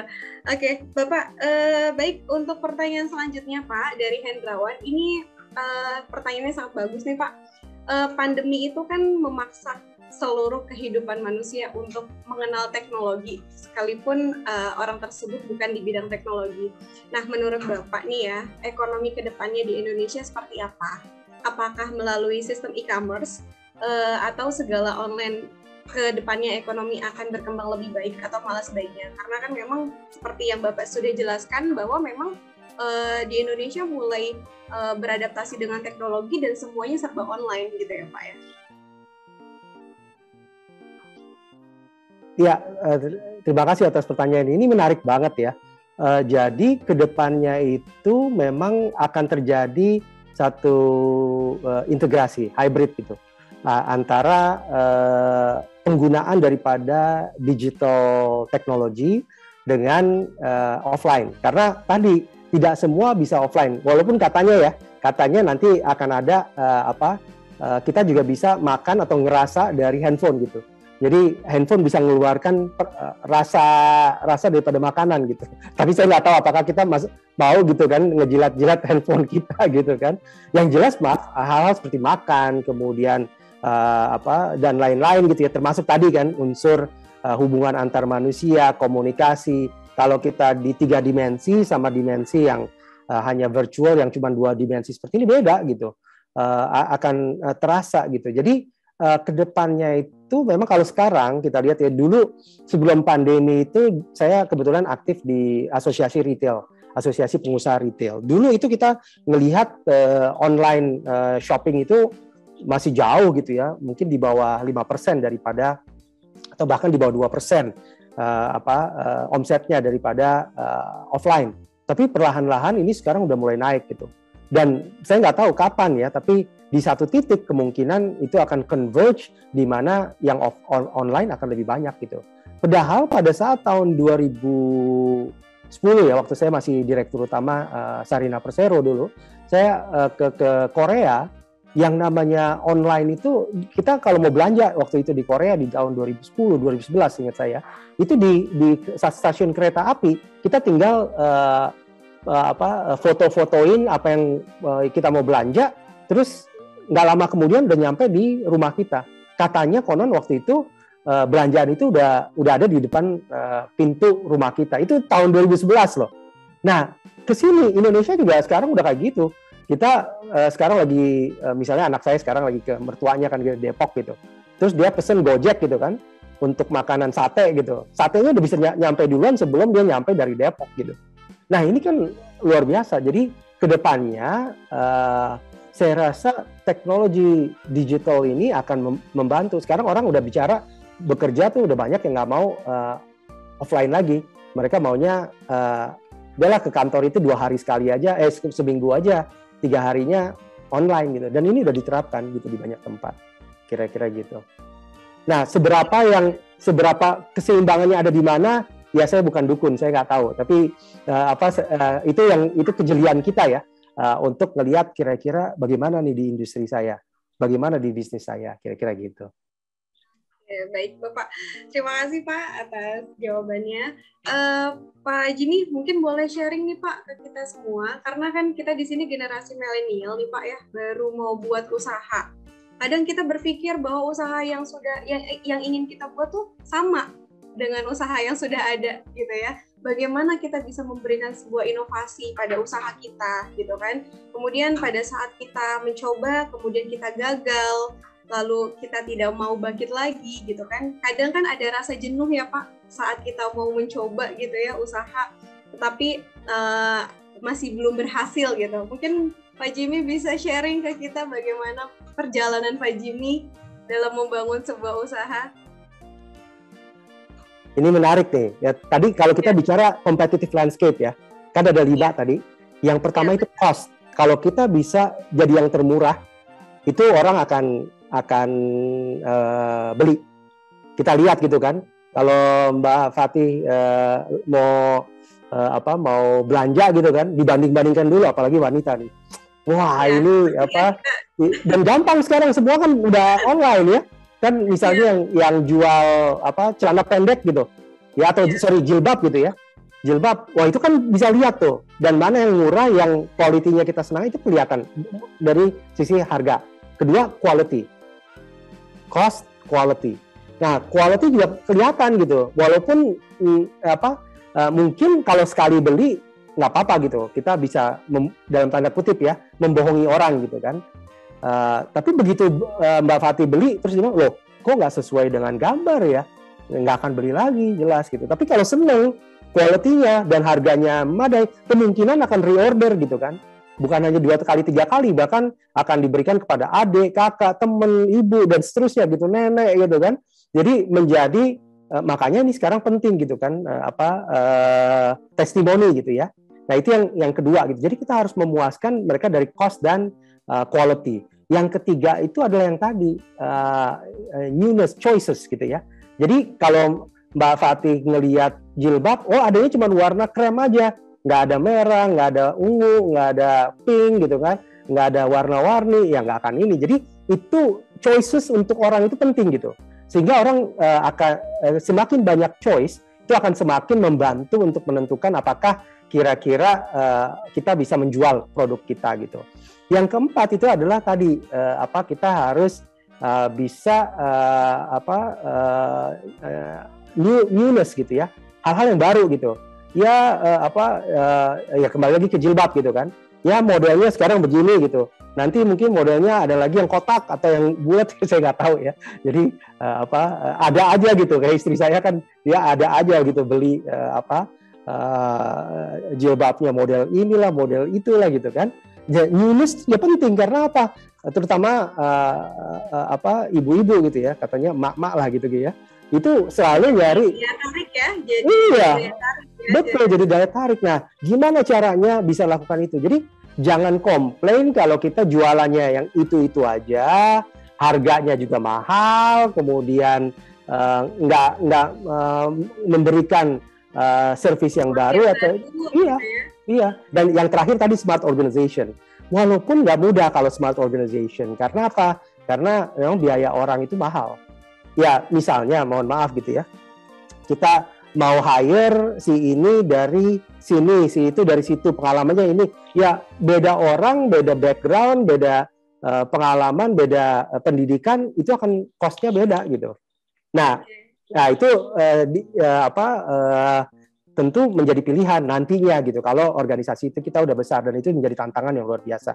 Even Gojek gitu ya, dia karena dia nggak nemukan eh, talent di Indonesia, akhirnya dia harus ke India juga gitu. Dan itu bukan hanya di Indonesia aja, di luar negeri juga sama gitu ya. Mereka menemui yang namanya shortage of talent gitu. Eh, eh, kalau eh, apa pernah dengar yang namanya brain drain. Jadi eh, otak ya udah habis gitu otaknya akhirnya eh, harus import gitu Eh, di, di Indonesia kan sangat anti import gitu ya padahal sering kali kita nggak mau meningkatkan capacity kita kemampuan orang-orang kita tapi at the same time kita juga memblok. Akhirnya apa? Akhirnya kita kalah bersaing dengan orang-orang lain negara-negara lain. Tapi itu dulu sebelum mbak Semoga, semoga Oh. saat ini sudah lebih baik ya Pak ya. Amin, amin. Makanya nih kita harus berterima kasih sama Pak Prof. Suharyadi kan, eh, apa eh, Prof. Margono, eh, apa eh, Prof. Hasanuddin yang yang care eh, terhadap pendidikan di Indonesia gitu ya, yang yang mau memberikan eh, apa dedikasinya untuk eh, peningkatan daripada eh, pendidikan, eh, kualitas pendidikan dari di Indonesia. Baik, eh, Pak Jimmy, ini pertanyaan terakhir sebelum kita tutup sesi pertama ini, Pak Jimmy. Ya, ini silakan. pertanyaan yang sangat apa ya luar biasa nih Pak Jimmy karena kita notabene adalah karyawan Pak Jimmy, ya kan? Bagaimana kita bisa bertransformasi dari seorang karyawan menjadi pembisnis? Karena nggak mudah pasti. Biasa selalu dapat gaji bulanan, tiba-tiba kita harus menggaji orang. Iya, luar biasa. Bagaimana Pak Jimmy? Ya luar biasa. Itu mindset tuh. Yang pertama adalah think big. Yang pertama saya ulangin lagi ya materi saya. Yang pertama adalah think big, start small, move fast. Jadi berpikirnya besar. Kalau sekarang saya jadi karyawan, mentok-mentok, saya dapat berapa? Saya kalau jadi saya jadi pengusaha nggak terbatas. Kira-kira gitu ya. Think big, start small, move fast. Jadi sambil kita ke, ke- eh, kuliah, eh sorry kerja, bisa tetap kita bisnis gitu loh. Itu kita bisa jalankan. Nanti tinggal pada saat mana kita eh, akan akan harus milih gitu ya. Tapi bisa jalan dengan ini. Yang kedua adalah kita harus optimistik gitu. Optimistik, kita harus eh, apa? Kalaupun misalnya kita cari nih apa sih kesulitan-kesulitan. Nah, pada saat ada kesulitan itu kita masuk gitu kan. Misalnya orang tadi kekurangan jilbab yang warna-warni segala macam, masuk dengan ide-ide itu gitu dan seterusnya. Nah, eh, jangan lupa juga tadi eh, yang lain gitu ya, bahwa it's a 10,000 hour rule. Kita perlu tetap belajar itu jangan mau instan gitu loh.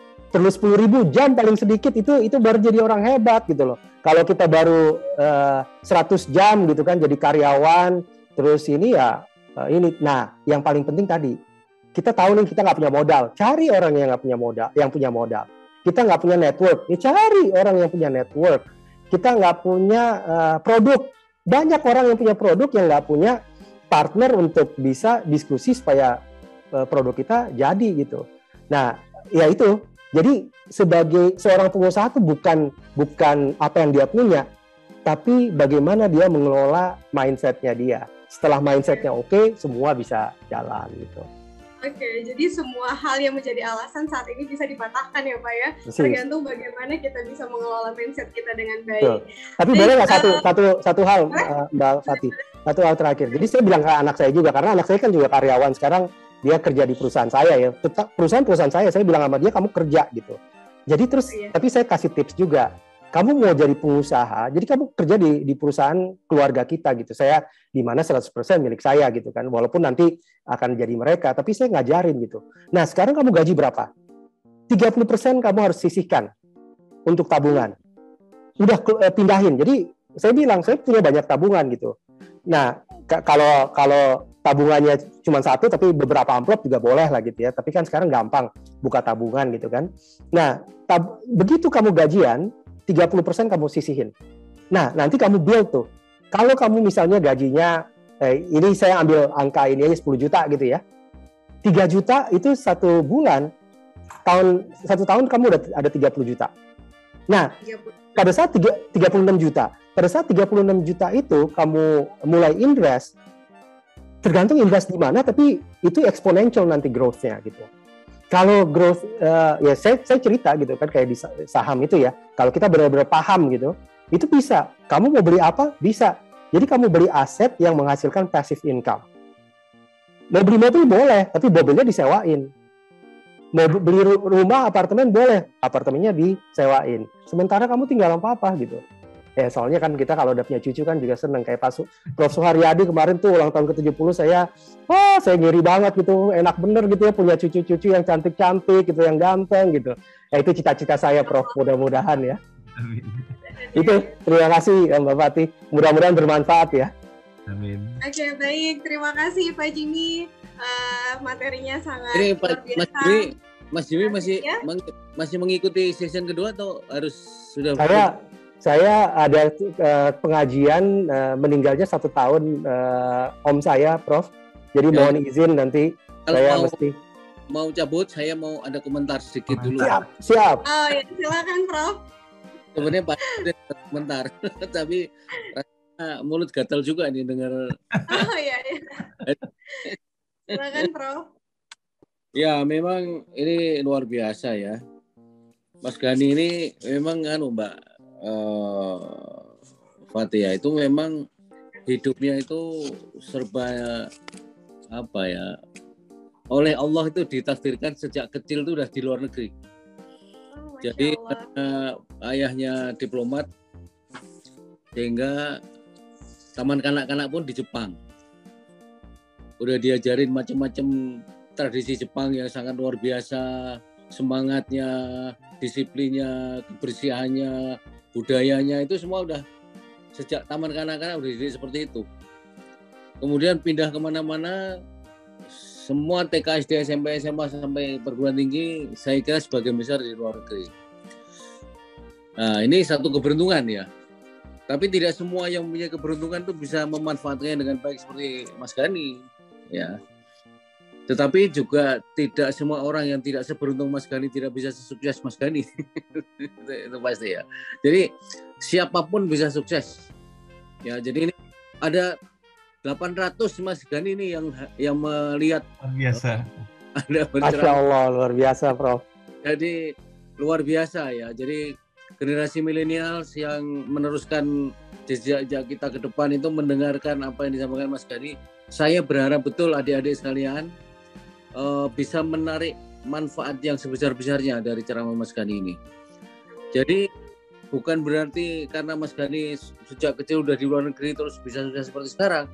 Anda sekalian yang sekarang pada posisi yang mungkin belum sampai pada posisi yang jauh dari Mas Gani tapi bisa mencapai Mas Gani asal punya cita-cita. Asal mau bekerja keras semuanya kan tidak harus kerja keras apa pun ya. Mau golf lalu banyak latihan, ya driving yang banyak, ini sudah lama nggak driving sehingga ya mainnya ya pas-pasan aja kan sama dengan kan gitu ya. nah kemudian berpikir keras, mengambil pilihan juga harus keras, hard hard thinking, hard, hard choice, hard work terakhir ya. Jadi memang itu semua hard semua, nggak nggak bisa leha-leha gitu ya. Jadi sejak kuliah ini bacalah buku-buku yang menarik bagi Anda. Ini Mas Mas Gani ini kan bacaannya banyak ya. Saya itu juga bacaannya itu dulu waktu jadi eh, mau jadi leader yang baik ya bacanya tentang leadership ya banyak sekali. Ingin mengelola suatu usaha yang baik ya buku tentang manajemen harus dibaca sebanyak mungkin. Ya sehingga jadi built-in di dalam pikiran kita tanpa ada macam-macam kita udah langsung mikir oh bagusnya begini oh bagusnya begini mengambil decision jadi cepat gitu ya. Jadi ini saya kira yang penting ya adik sekalian.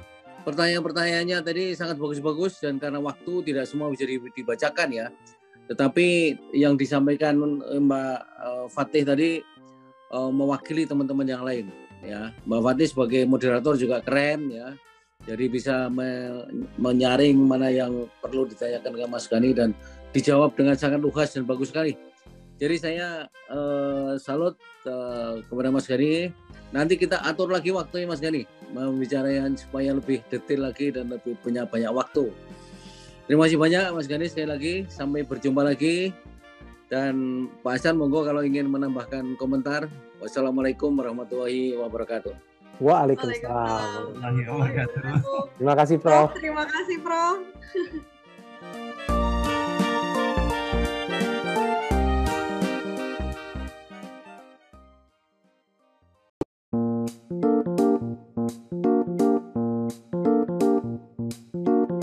Baik, eh, rekan-rekan semua, saya ucapkan terima kasih yang masih sampai saat ini bertahan. Wah, ini luar biasa nih, Prof. 800 mahasiswa dari pagi Rekor. sampai siang ini Pak masih bertahan mendengarkan uh, paparan materi. Baik, uh, sudah hadir di tengah-tengah kita um, narasumber yang kedua yaitu Bapak Dwi Sabto Febrianta KMA selaku Wakil Rektor uh, 2 Universitas Dian Nusantara. Pak Dwi, tetap semangat Pak Dwi. Ya, wah ini luar biasa tadi semangatnya Luar biasa ya terus bisa satu sesi itu sendirian aja udah cukup kayaknya. Tiga jam bisa terisi kalau ada kesempatan yang diberikan ya. Oke, okay, baik untuk Pak Dwi untuk waktunya saya persilahkan Pak Dwi untuk memaparkan okay, materi. Terima kasih, terima kasih Bu Hani ya uh, kesempatannya.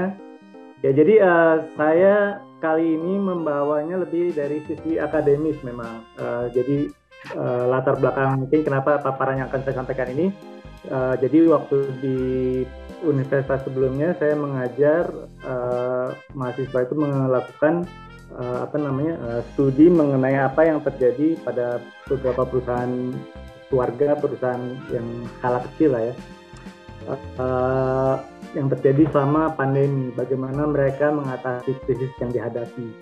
Dan jadi dari uh, benang merahnya ini akan saya sampaikan di paparan Mungkin izin untuk share screen dari ini saya ya, materi saya.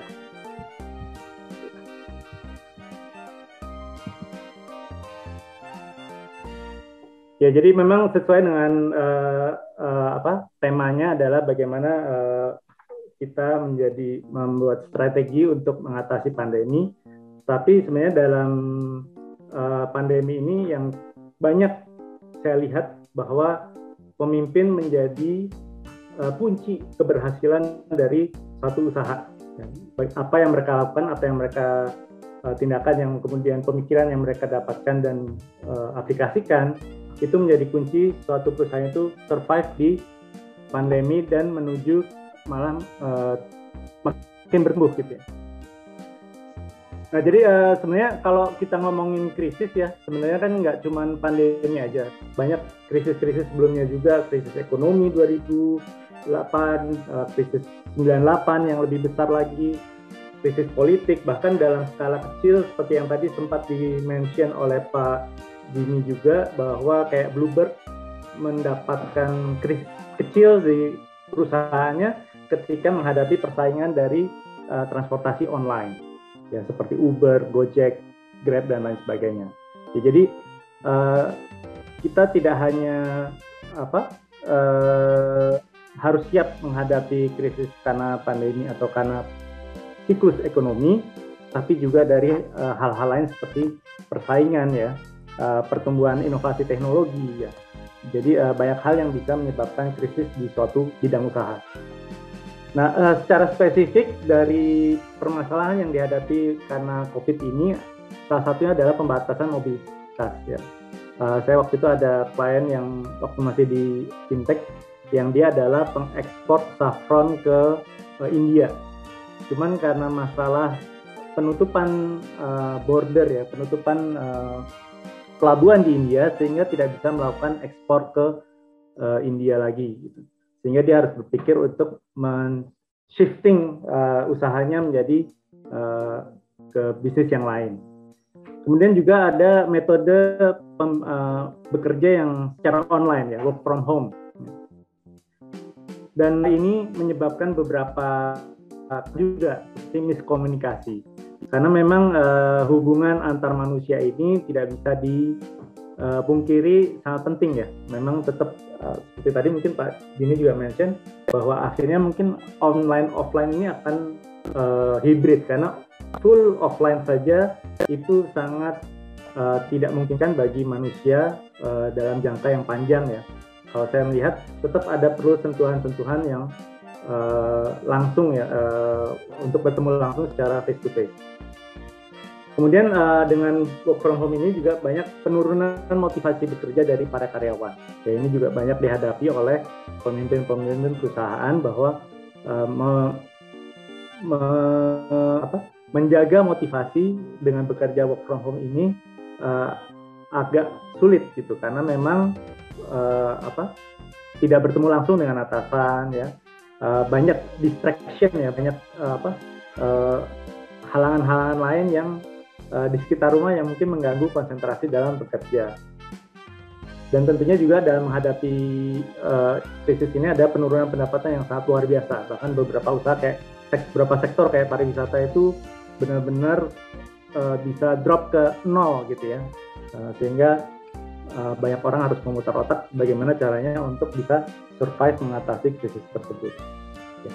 dan uh, dari hal ini saya ingin menarik dua apa teori kepemimpinan ya karena waktu yang terbatas yaitu satu mengenai teori motivasi dan pemberdayaan dan kedua adalah teknik komunikasi ya, karena dalam uh, apa, work from home itu banyak sekali ternyata komunikasi yang harus secara intens lebih diberikan uh, para pemimpin kepada bawahan-bawahan. Ya kalau secara sederhana sendiri, bagaimana kita memotivasi orang itu adalah uh, setiap individu mempunyai suatu kebutuhan. Kebutuhan ini kemudian akan me mendrive perilaku mereka dan perilaku ini akan menghasilkan penghargaan atau tidak. Ya. ya jadi dalam bekerja, uh, apabila kita melakukan sesuatu yang baik, tentunya akan ada penghargaan dari atasan kita, baik itu berupa pujian atau berupa bonus tambahan, ya. Dan ini tentunya akan mendorong orang untuk berperilaku lebih baik lagi. Dan ini seharusnya akan di-review secara berkala sehingga akan memberikan feedback buat orang tersebut bahwa tindakannya itu sudah baik untuk ditingkatkan lagi. Apabila dia bertindak yang uh, tidak sesuai dengan uh, harapan perusahaan, tentunya akan uh, ada masukan juga buat dia bahwa uh, tindakannya ini perlu ada perbaikan-perbaikan lagi. Ya. Jadi ini adalah teori motivasi yang sederhana dan yang penting dari hal ini adalah review berkala ini.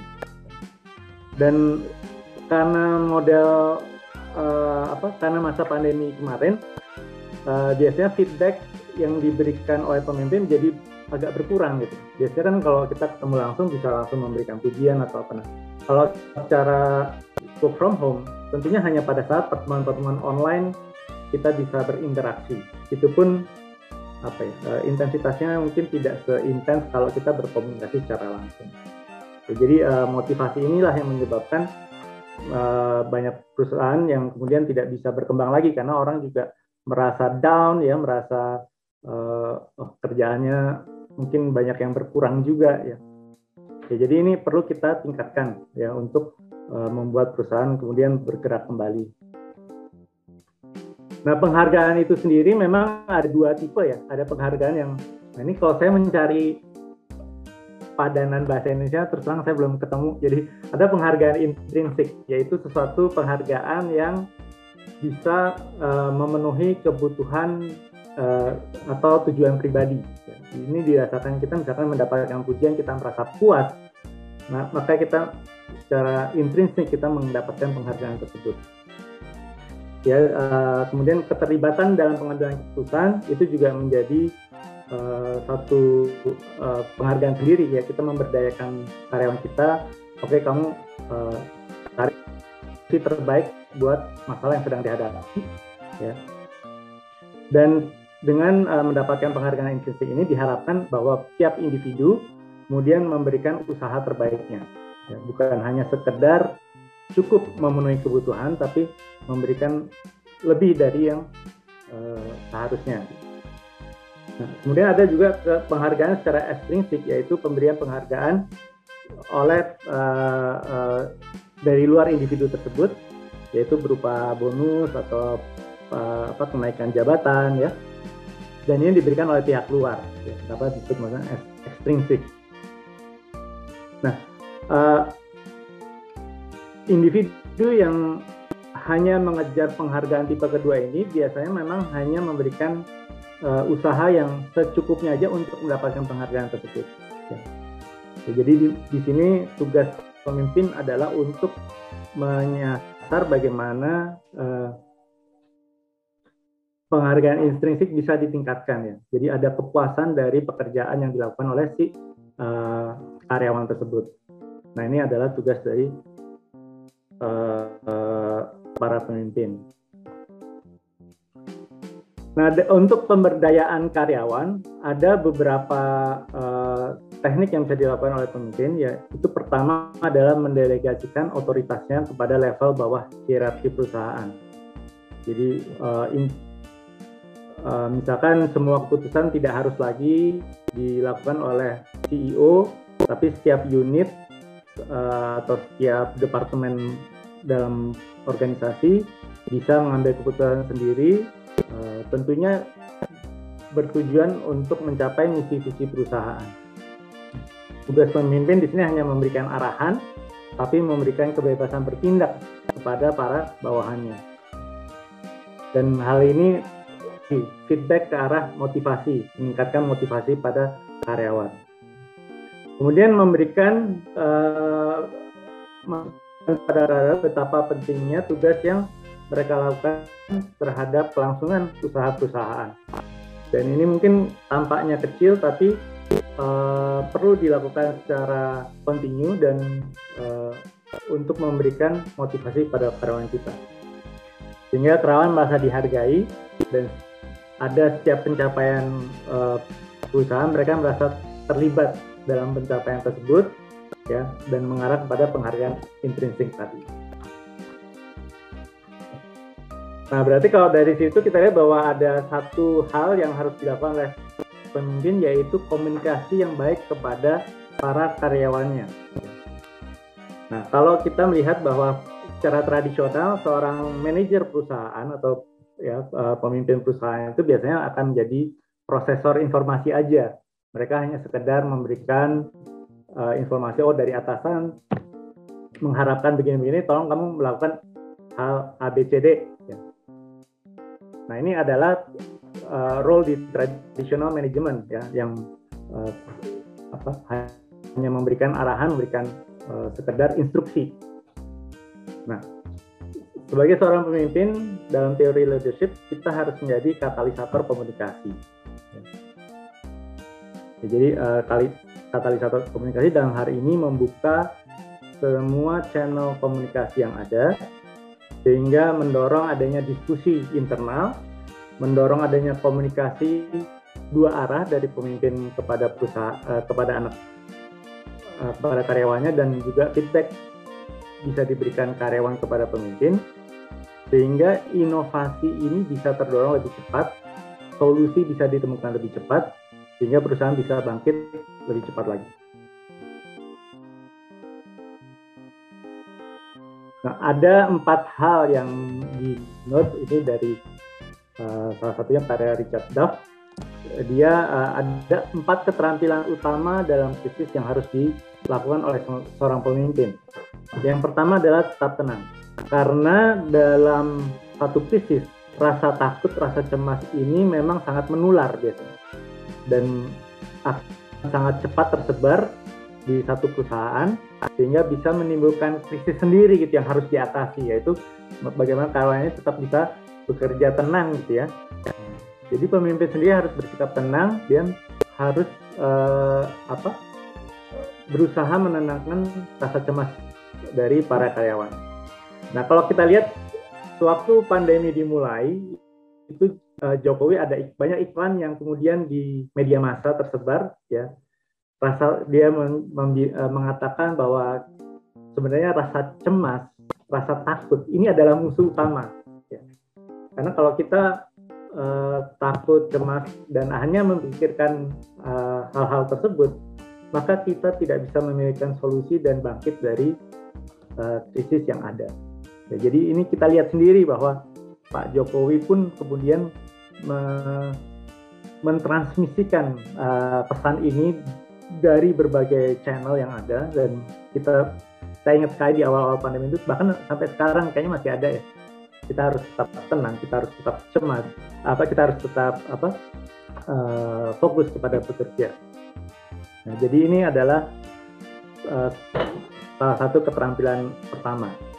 Kemudian kedua adalah terlihat dan memberikan dukungan jadi pada saat krisis itu pemimpin harus bisa terlihat memberi pasti ya, uh, turun langsung, ya, memberikan dukungan uh, kepada para karyawan. Uh, mungkin kalau kita dengar di berita ya kemarin ada di Sri Lanka itu ada krisis ekonomi yang luar biasa.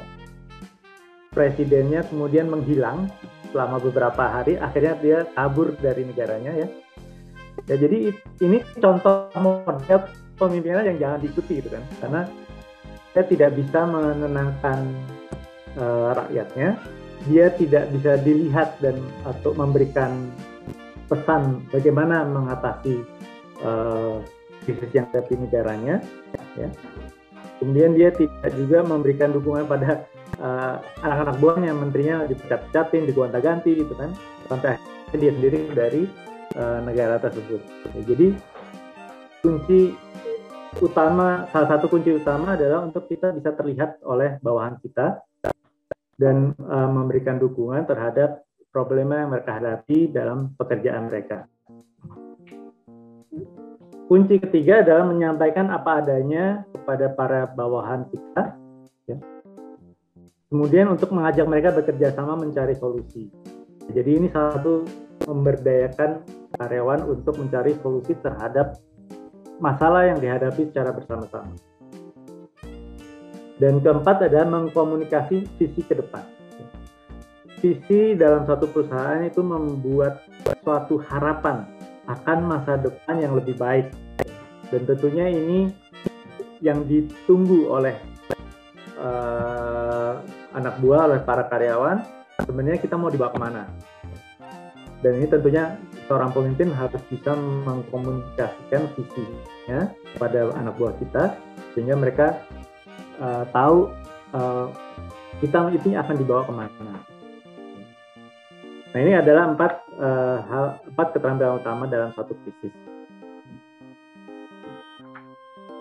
Dan feedback terhadap pemimpin uh, terhadap apa ya apa tindakan kita itu bisa kita lihat dari tingkat reaksi bawahan kepada instruksi kita.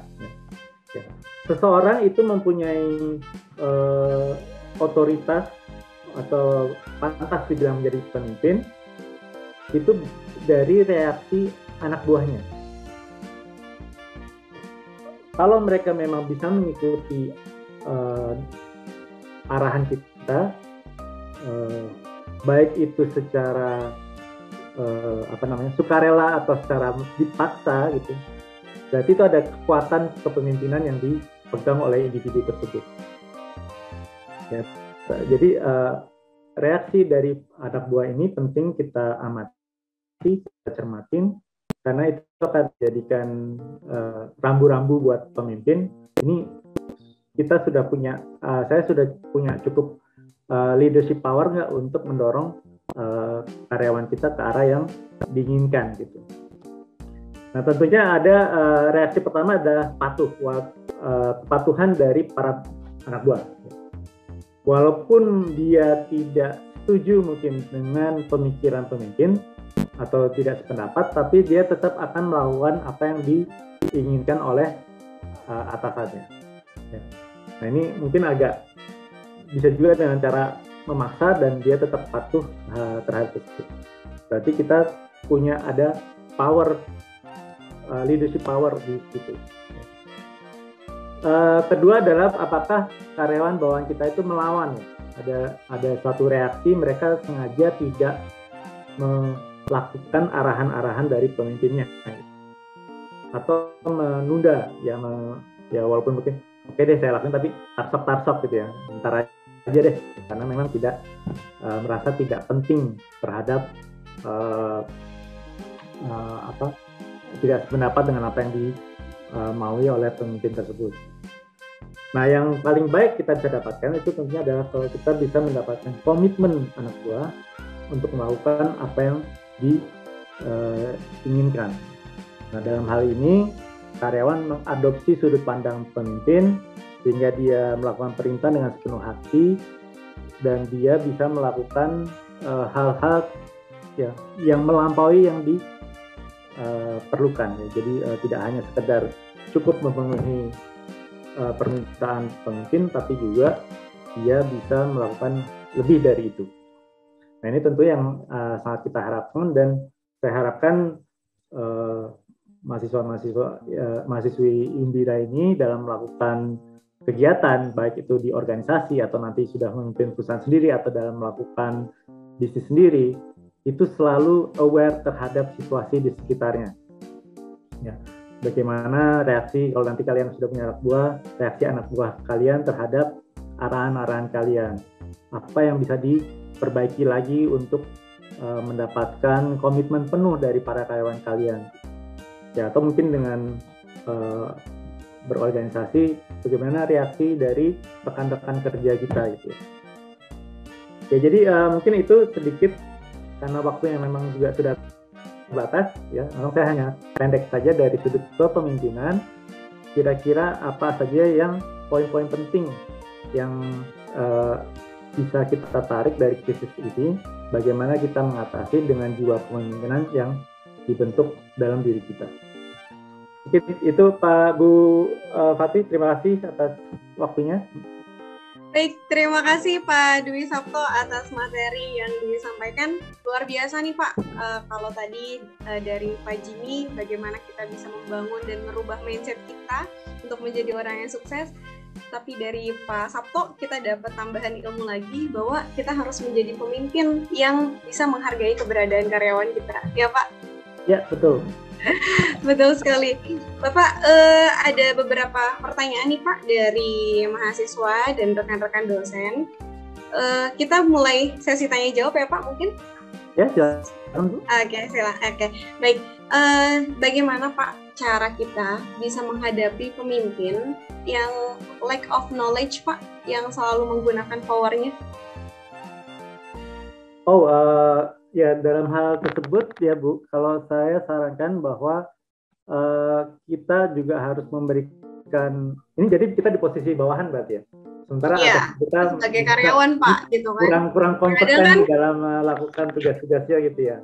Iya benar sekali karena kan biasanya leader atau pemimpin ya mungkin tidak memiliki kemampuan uh, pengetahuan ya. yang ya yang baik gitu ya tapi menggunakan kekuatannya gitu terhadap karyawan? Ya, memang uh, ini memang harus ada komunikasi dua arah. Gitu. Kalau dari bawahan sendiri harus bisa memberikan masukan, memberikan eh, contoh-contoh uh, juga kepada pemimpinnya bahwa mungkin tindakan A ini tidak tepat yang dia sarankan, cuman tindakan B bisa lebih tepat lagi. Ya memang dalam hal ini uh, pemimpin juga harus terbuka untuk menerima masukan. Ya memang sulit sekali kalau memang orang kita bertemu orang yang memang sudah uh, close minded gitu ya. Dia tidak mau terbuka terhadap masukan-masukan yang ada. Tapi uh, sebagai uh, bawahan yang memberi masukan tentunya tidak boleh putus asa juga. Uh, harus berusaha dan memberikan contoh-contoh bahwa tindakan ini ternyata lebih tepat nih dalam situasi yang kita hadapi gitu. dan yang tidak kalah penting mungkin juga mencari uh, bantuan dari kitanya gitu. Jadi jangan hanya dia bersuara sendiri tapi mencari uh, ini ya, mencari sekutunya juga siapa yang bisa diajak bekerja sama, memberikan masukan kepada si atasan kita gitu. Atau mungkin juga mungkin dari uh, cari uh, apa uh, manajer dari departemen lain yang bisa diajak kerjasama untuk memberikan masukan kepada uh, atasan tersebut. Jadi yang penting itu adalah mencari cara berkomunikasi yang bisa diterima. Kalau kita ngomong ternyata tidak bisa diterima, cari bantuan dari tempat lain. Jangan malu untuk mencari bantuan, karena itu penting uh, untuk masa depan perusahaan itu sendiri kan. Ya, kalau kita merasa itu sangat-sangat penting, kita harus mencari segala cara. Ya, salah satunya dengan mencari bantuan dari tempat lain juga gitu. Oke, baik Bapak. Terima kasih atas jawaban yang luar biasa. Pak, kadang gini ya Pak, di dalam sebuah perusahaan, eh, penilaian leader atau pemimpin itu bersifatnya eh, subjektif ya Pak. Betul. Like or dislike, itu tuh eh, sangat kental ya Pak dalam sebuah organisasi perusahaan. Bagaimana Pak kita bisa menyikapi hal tersebut gitu? Kalau karyawan, terkadang karyawan sudah bekerja dengan baik gitu ya, cuma mungkin ada penilaian tersendiri dari uh, atasannya bahwa memang dia tidak menyukai karyawan tersebut sampai akhirnya ya apa pun yang dilakukan oleh karyawan itu mau itu baik mau itu bagus perfect akan terlihat tetap tidak bagus bagaimana pak? Ya memang uh, dilema sebagai bawahan itu biasanya memang ada apa leadership power yang kadang-kadang harus dipaksakan di mereka. Nah, kita sendiri juga harus punya satu kalau kita sebagai karyawan posisinya kita sendiri juga harus punya suatu standpoint gitu yang kuat. Ya. Kalau selama ini kita merasa kita sudah bekerja dengan sangat baik, hasil yang dicapai juga baik, tapi kita tetap tidak dihargai oleh atasan kita, kita harus punya keberanian satu untuk uh, men menuntut ya atau misalnya lebih menyatakan bahwa saya kayaknya lebih berhak dipromosi dibanding si A misalkan karena saya sudah bekerja lebih banyak uh, hasil yang saya capai juga lebih baik. Tapi misalkan kok kenapa malah orang lain yang dipromosi bukan saya gitu ya? Jadi kita harus punya uh, keberanian ya untuk uh, berbicara speak up. Tapi juga apabila hal tersebut juga masih tidak bisa kita lakukan ya. Nah ini saya bilang sih sebenarnya ini ke kalau ke mahasiswa ini biasanya last resort tapi kita juga harus punya keberanian untuk meninggalkan tempat tersebut karena berarti kita tidak dihargai di situ. Kalau kita memang merasa bisa mendapatkan tempat lebih baik dan lebih dihargai, why not? Kita harus punya keberanian untuk keluar dari zona nyaman kita, mencari alternatif lain di mana kita akan merasa lebih dihargai. Jadi okay. itu uh, memang harus menjadi satu uh, standpoint ya, bahwa kita melakukan yang terbaik, kita sudah merasa uh, uh, apa uh, tidak bisa lebih baik lagi lah gitu kan udah yang the best we can do uh, tapi kita tetap di, tidak dihargai di sini gitu berarti kita harus bisa mencari tempat lain di mana kita akan lebih dihargai gitu. Oke baik, terima kasih Pak uh, atas jawaban yang sangat luar biasa. Memang uh, banyak sekali Pak uh, kondisi uh, penilaian yang uh, subjektif ya Pak dari leader gitu terhadap karyawan sehingga karyawan lebih berpikir ya ketika memang keberadaannya sudah tidak dihargai kerja kerasnya sudah tidak dihargai ya lebih baik kita cari tempat yang bisa menghargai kita ya Betul. Pak ya. Ya jadi kalau memang uh, banyak orang itu merasa hanya di uh, uh, apa berada di zona nyaman ya. Mereka merasa oh ini pekerjaan udah enak nih, uh, gajinya cukup bagus, uh, benefitnya juga oke, okay, kerjaan juga saya udah paham semua. Terus dia merasa harusnya oh saya harusnya bisa di promosi ini jabatannya, tapi dia kemudian di, tidak dihargai uh, atasannya. Tapi dia juga tidak berani melakukan langkah gimana kalau saya cari tempat lain yang lebih menghargai saya gitu. Nah ini yang banyak karyawan itu kan akhirnya ya udah deh uh, mendingan uh, uh, diem-diem aja di sini gitu. Mati kan. aja gitu ya. Ah, nikmatin aja toh. Ya. Toh juga saya juga udah merasa ini kerja saya udah paham lah, udah udah, yeah. udah di zona nyaman gitu kan. Nah, jadi okay. dia tidak berani kemudian mencari apakah ternyata di luar sana ada yang bisa lebih baik lagi atau enggak gitu. Ya jadi bukan terus kemudian kita jadi kutu loncat ya. Saya bukan mau yeah. mau menyarankan tersebut, tapi kita juga harus punya titik di mana oh kalau memang saya mau berkarya di sini dan di tempat ini bagaimana caranya saya kemudian bisa dihargai lebih. Entah itu mungkin dengan mencari uh, apa pindah departemen misalkan gitu karena oh kayaknya di sini uh, pemimpinnya bisa lebih klik dengan saya, saya akan bisa lebih dihargai. Atau ya uh, last resortnya uh, tentunya uh, meninggalkan organisasi tersebut. Start sendiri ya. Seperti Pak Jimmy mungkin dia akhirnya bisa berdiri sendiri dengan usahanya. Atau ya uh, cari tempat lain yang memang lebih menghargai. Oke, baik Bapak, terima kasih atas jawabannya. Nah, Pak, terkait dengan uh, pemimpin kita ya, sebagai seorang pemimpin berkomunikasi dengan karyawan gitu, Pak. pasti kan setiap karyawan tuh butuh Pak yang namanya motivasi nih dari seorang pemimpin. Bagaimana kita bisa saling bekerja sama, kita bisa membangun sebuah korporasi yang bagus gitu ya, berkesinambungan dan uh, menuju visi misi yang seperti tadi Bapak bilang gitu ya, kita mencapai itu semua harus ada komunikasinya Pak. Tapi dari sisi lain seorang uh, karyawan juga ingin Pak uh, dimotivasi oleh pemimpinnya gitu kan menurut Bapak seperti apa? Bagaimana komunikasi yang baik untuk bisa memotivasi karyawannya, Pak? Silakan. Ya, terima kasih, Bu. Uh, mungkin gini ya, saya saya mau ambil contoh ya. Saya pengalaman uh, 20 tahun lebih itu di perbankan. Ya, saya mulai dari uh, paling bawah. Uh, saya pernah bekerja sama uh, orang Inggris uh, di bank pertama saya, Bank Multicore saya pernah bekerja dengan orang Jepang di Bank Mizuho dan saya pernah bekerja dengan uh, expat China juga dari uh, Bank ICBC. Nah, mungkin saya akan ambil satu pengalaman saya di Bank Mizuho. Ya, pada saat itu uh, saya di hire masuk ke suatu departemen di mana ini pemimpinnya ini orang Jepang nih. Dia uh, manajernya ini orang Jepang. Dia itu sangat uh, demanding. Ya. Orang Indonesia itu nggak ada yang tahu. Jadi kenapa saya begitu saya masuk saya hanya tahu kenapa banyak, uh, departemen saya paling kecil jumlah orangnya paling sedikit gitu uh, dibanding uh, business development department yang lain. Yang lain ada 7 8 orang. Kita waktu itu start cuma 3 apa 4 orang gitu. 4 orang kalau salah. Nah, ternyata karena uh, manajer saya ini orangnya sangat demanding. Dia uh, di bawah dia itu sudah banyak orang lokal ya orang Indonesia yang keluar masuk nggak tahan sama dia bahkan departemen lain pun juga nggak suka bekerja sama dengan departemen yang saya masukin ini gitu. Uh, kayak misalkan dari departemen legal mereka tidak mau berurusan langsung dengan si manajer. Oh kalau si uh, kebetulan nama bos saya waktu itu namanya Maci. Dia tidak mau uh, uh, orang lain tuh departemen lain nggak mau urusan sama dia.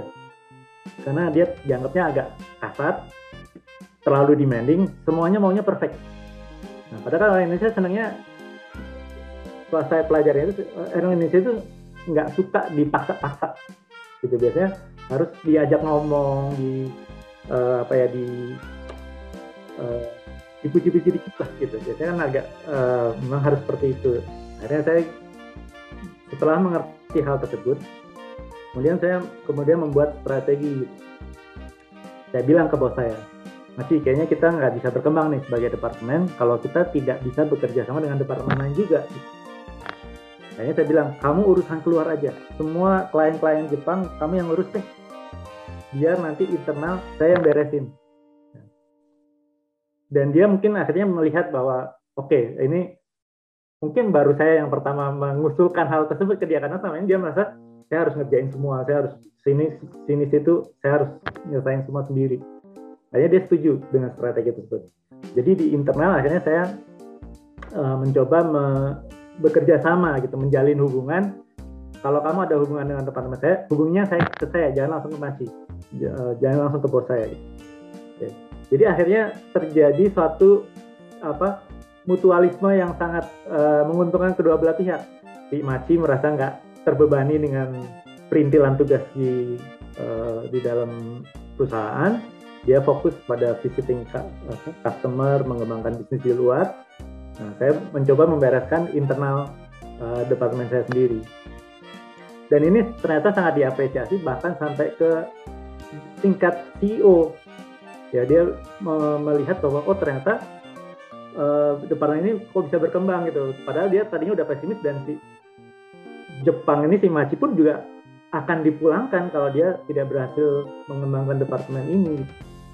Nah, jadi strategi ini akhirnya berhasil ya. Jadi masukan yang saya berikan ke atasan didengar. Bahkan hal ini kemudian sampai ke tingkat paling atas. Jadi setelah saya waktu itu baru empat bulan bekerja, udah mulai diberes-beresin semua. Kemudian ada tawaran dari bank lain nih kebetulan bahwa uh, ada teman saya dari bank lain, dia nawarin, oh, kamu pindah sini aja nih, saya offer lebih lebih baik uh, segala macam. Uh, CEO itu sampai turun sendiri bahwa tolong jangan pergi karena kamu dengan uh, si Mas ini sangat komplementari gitu. Uh, dan saya lihat ini sudah berkembang cukup baik. tolong gitu jangan pergi apa yang uh, kira-kira apa yang kamu ditawarin di luar apa yang bisa kita penuhi di, di dalam sini di saat itu itu saya sangat merasa terapresiasi bahwa uh, CEO dengan tingkat yang pangkatnya jauh di atas saya tiba-tiba bisa datang ketemu ngajak ketemu langsung hanya menyampaikan bahwa saya adalah sebuah bagian penting dari roda perusahaan yang besar ini gitu kan. Nah ini pujian yang sangat apa apalagi orang Jepang gitu. Mereka kan ya terus terang aja mereka agak merendahkan bangsa Indonesia dalam bekerja mereka merasa mereka bekerja paling keras. Mereka uh, apa istilahnya uh, selalu hierarkinya selalu uh, dilakukan dengan uh, perfeksionis gitu ya. Nah, uh, jadi hal ini di saya merasa oh kalau saya pindah ke bank lain ini belum tentu saya akan mendapatkan apresiasi dari atasan yang seperti ini gitu. Ya, jadi sementara juga saya juga merasa saya ada kontribusi ya. Jadi ada kepuasan diri lah. Saya ada merasa berkontribusi yang membuat departemen yang tadinya dipandang sebelah mata dan bahkan sudah mau dibubarin gitu kalau dalam waktu itu ternyata si Maci itu dikasih enam bulan untuk menyelesaikan uh, apakah uh, apa uh, untuk mengembangkan departemennya bisa stable atau enggak gitu. Dengan masuknya saya, dengan akhirnya kita bagi tugas seperti itu, dan ini semua bisa berkembang baik. Ya, jadi dari situ juga uh, tadi saya bilang ada rasa kepuasan diri dan tindakan kecil CEO mengajak ketemu saya. Ya waktu itu saya belum punya jabatan, saya masih officer biasa lah. Gitu.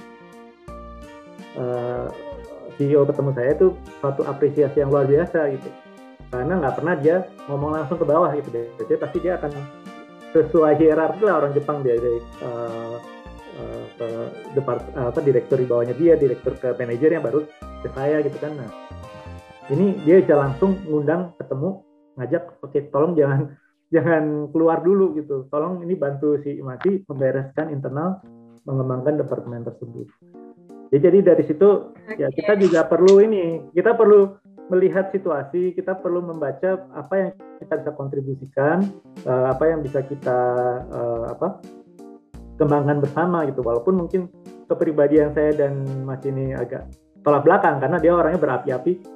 Uh, sementara saya orangnya kalem-kalem aja gitu. Saya berusaha ngapain sih ribut-ribut gitu. Kalau ribut-ribut juga uh, jangan di depan umum gitu. Jadi saya udah ngomong ke yeah. kamu selalu kalau marah-marah itu di depan umum orang Indonesia itu nggak suka tuh di marah-marahin di depan umum bawa aja ke ruangan tersendiri kalau mau marahin dia marahin dia di ruang tertutup jangan di depan umum dan ini ya, dia baik. dengar dan dia uh, itu ternyata manjur gitu jadi uh, teman-teman juga akhirnya ya dari departemen juga oh ya kamu bisa nih uh, apa istilahnya menjinakkan si uh, manusia ini gitu lah dibilang waktu itu bahkan orang ini sampai ada yang nggak mau ngomong namanya gitu karena saking bencinya gitu di internal gitu. Ya jadi seperti itu ya. Jadi kita harus berusaha mencari uh, strategi uh, keatasan ini apa yang dia butuhkan apa yang bisa kita kontribusikan uh, kemudian uh, mencoba me membawa kemajuan buat semua orang gitu lah Baik, uh, terima kasih Pak Dwi. Itu pengalaman yang sangat luar biasa ya. Ya, jadi itu memang saya ingatnya dan menjadi ini karena saya mengalami langsung di mana suatu konflik ya, terjun langsung hampir, ya Pak ya. Yang hampir membubarkan, ya saya tahunya juga setelah masuk saya, wah bos saya ternyata dibenci semua orang di dalam di dalam perusahaan ini. Tapi ternyata Kalau dari Bapak situ itu bisa, bisa gitu. Ya, bisa menjadi pengalaman ya Pak untuk kita menjadi terus lebih baik lagi. Oke, okay, Bapak, ini kalau dilihat di kolom chat, Pak, wah banyak banget Pak yang nanya. Cuma ada satu pertanyaan terakhir, Pak, sebelum saya mengakhiri sesi uh, kedua ini ya, Pak. Uh, apakah Pak kekuatan seorang leadership itu itu bisa menentukan keberhasilan dari sebuah perusahaan, Pak? Apakah hanya leadership seorang pemimpin atau memang butuh dukungan dari teamwork, Pak? Silakan, Pak. Ya, jadi uh, kalau kita lihat uh, tren ke sini, mungkin kalau lihat zaman dulu ya semua orang oh satu leader seolah dialah yang ya kalau kita baca histori terutama pemimpin di masa lalu seolah hanya dia sendiri yang uh, bisa melakukan semua hal sampai sukses gitu ya. Nah, cuman kalau makin ke sini dengan teori baru leadership, kita mulai banyak melihat bahwa pentingnya kolaborasi. Ya, jadi uh, dengan makin tadi ada masa globalisasi ya, di mana uh, banyak pihak itu mulai uh, terlibat. Saya rasa seorang leader tidak bisa sukses tanpa berkolaborasi. Bukan hanya dengan bawahannya saja, tapi juga dengan mitra-mitra kerjanya.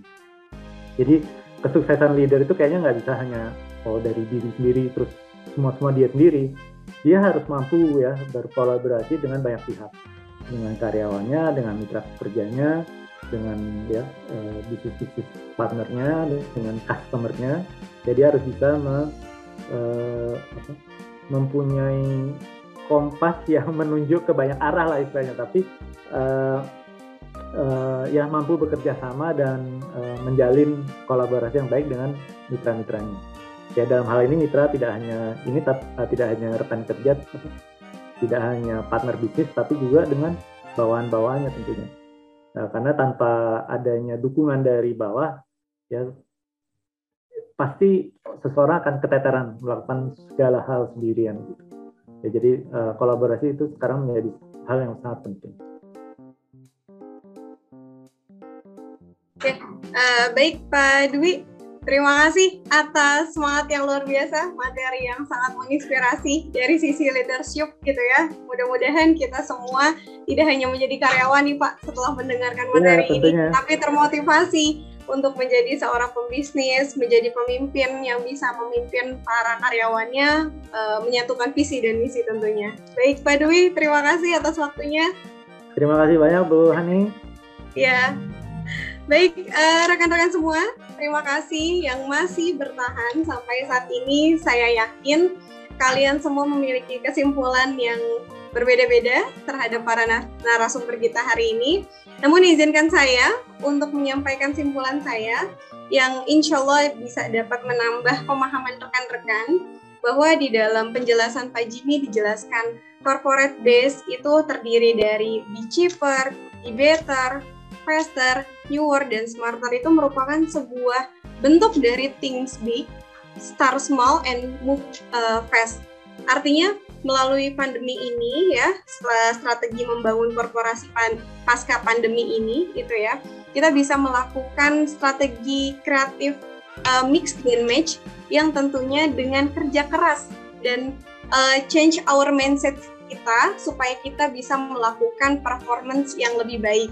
Dan terakhir simpulan saya dari pemaparan Pak Dwi bahwa kita sebagai leader ya Pak ya, kita harus bisa memberikan penghargaan atas kerja sera, kerja keras yang dilakukan oleh tim sebagai bentuk bahwa kita menghargai keberadaan dan usaha mereka.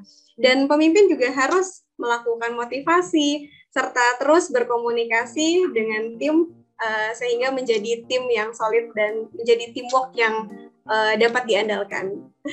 Oke, okay, baik rekan-rekan, saya selaku moderator pada hari ini mengucapkan banyak terima kasih atas uh, atensi yang luar biasa dan insya Allah kita bisa bertemu pada webinar-webinar selanjutnya dengan materi yang berbeda dan tentunya bisa memberikan uh, semangat untuk kita semua.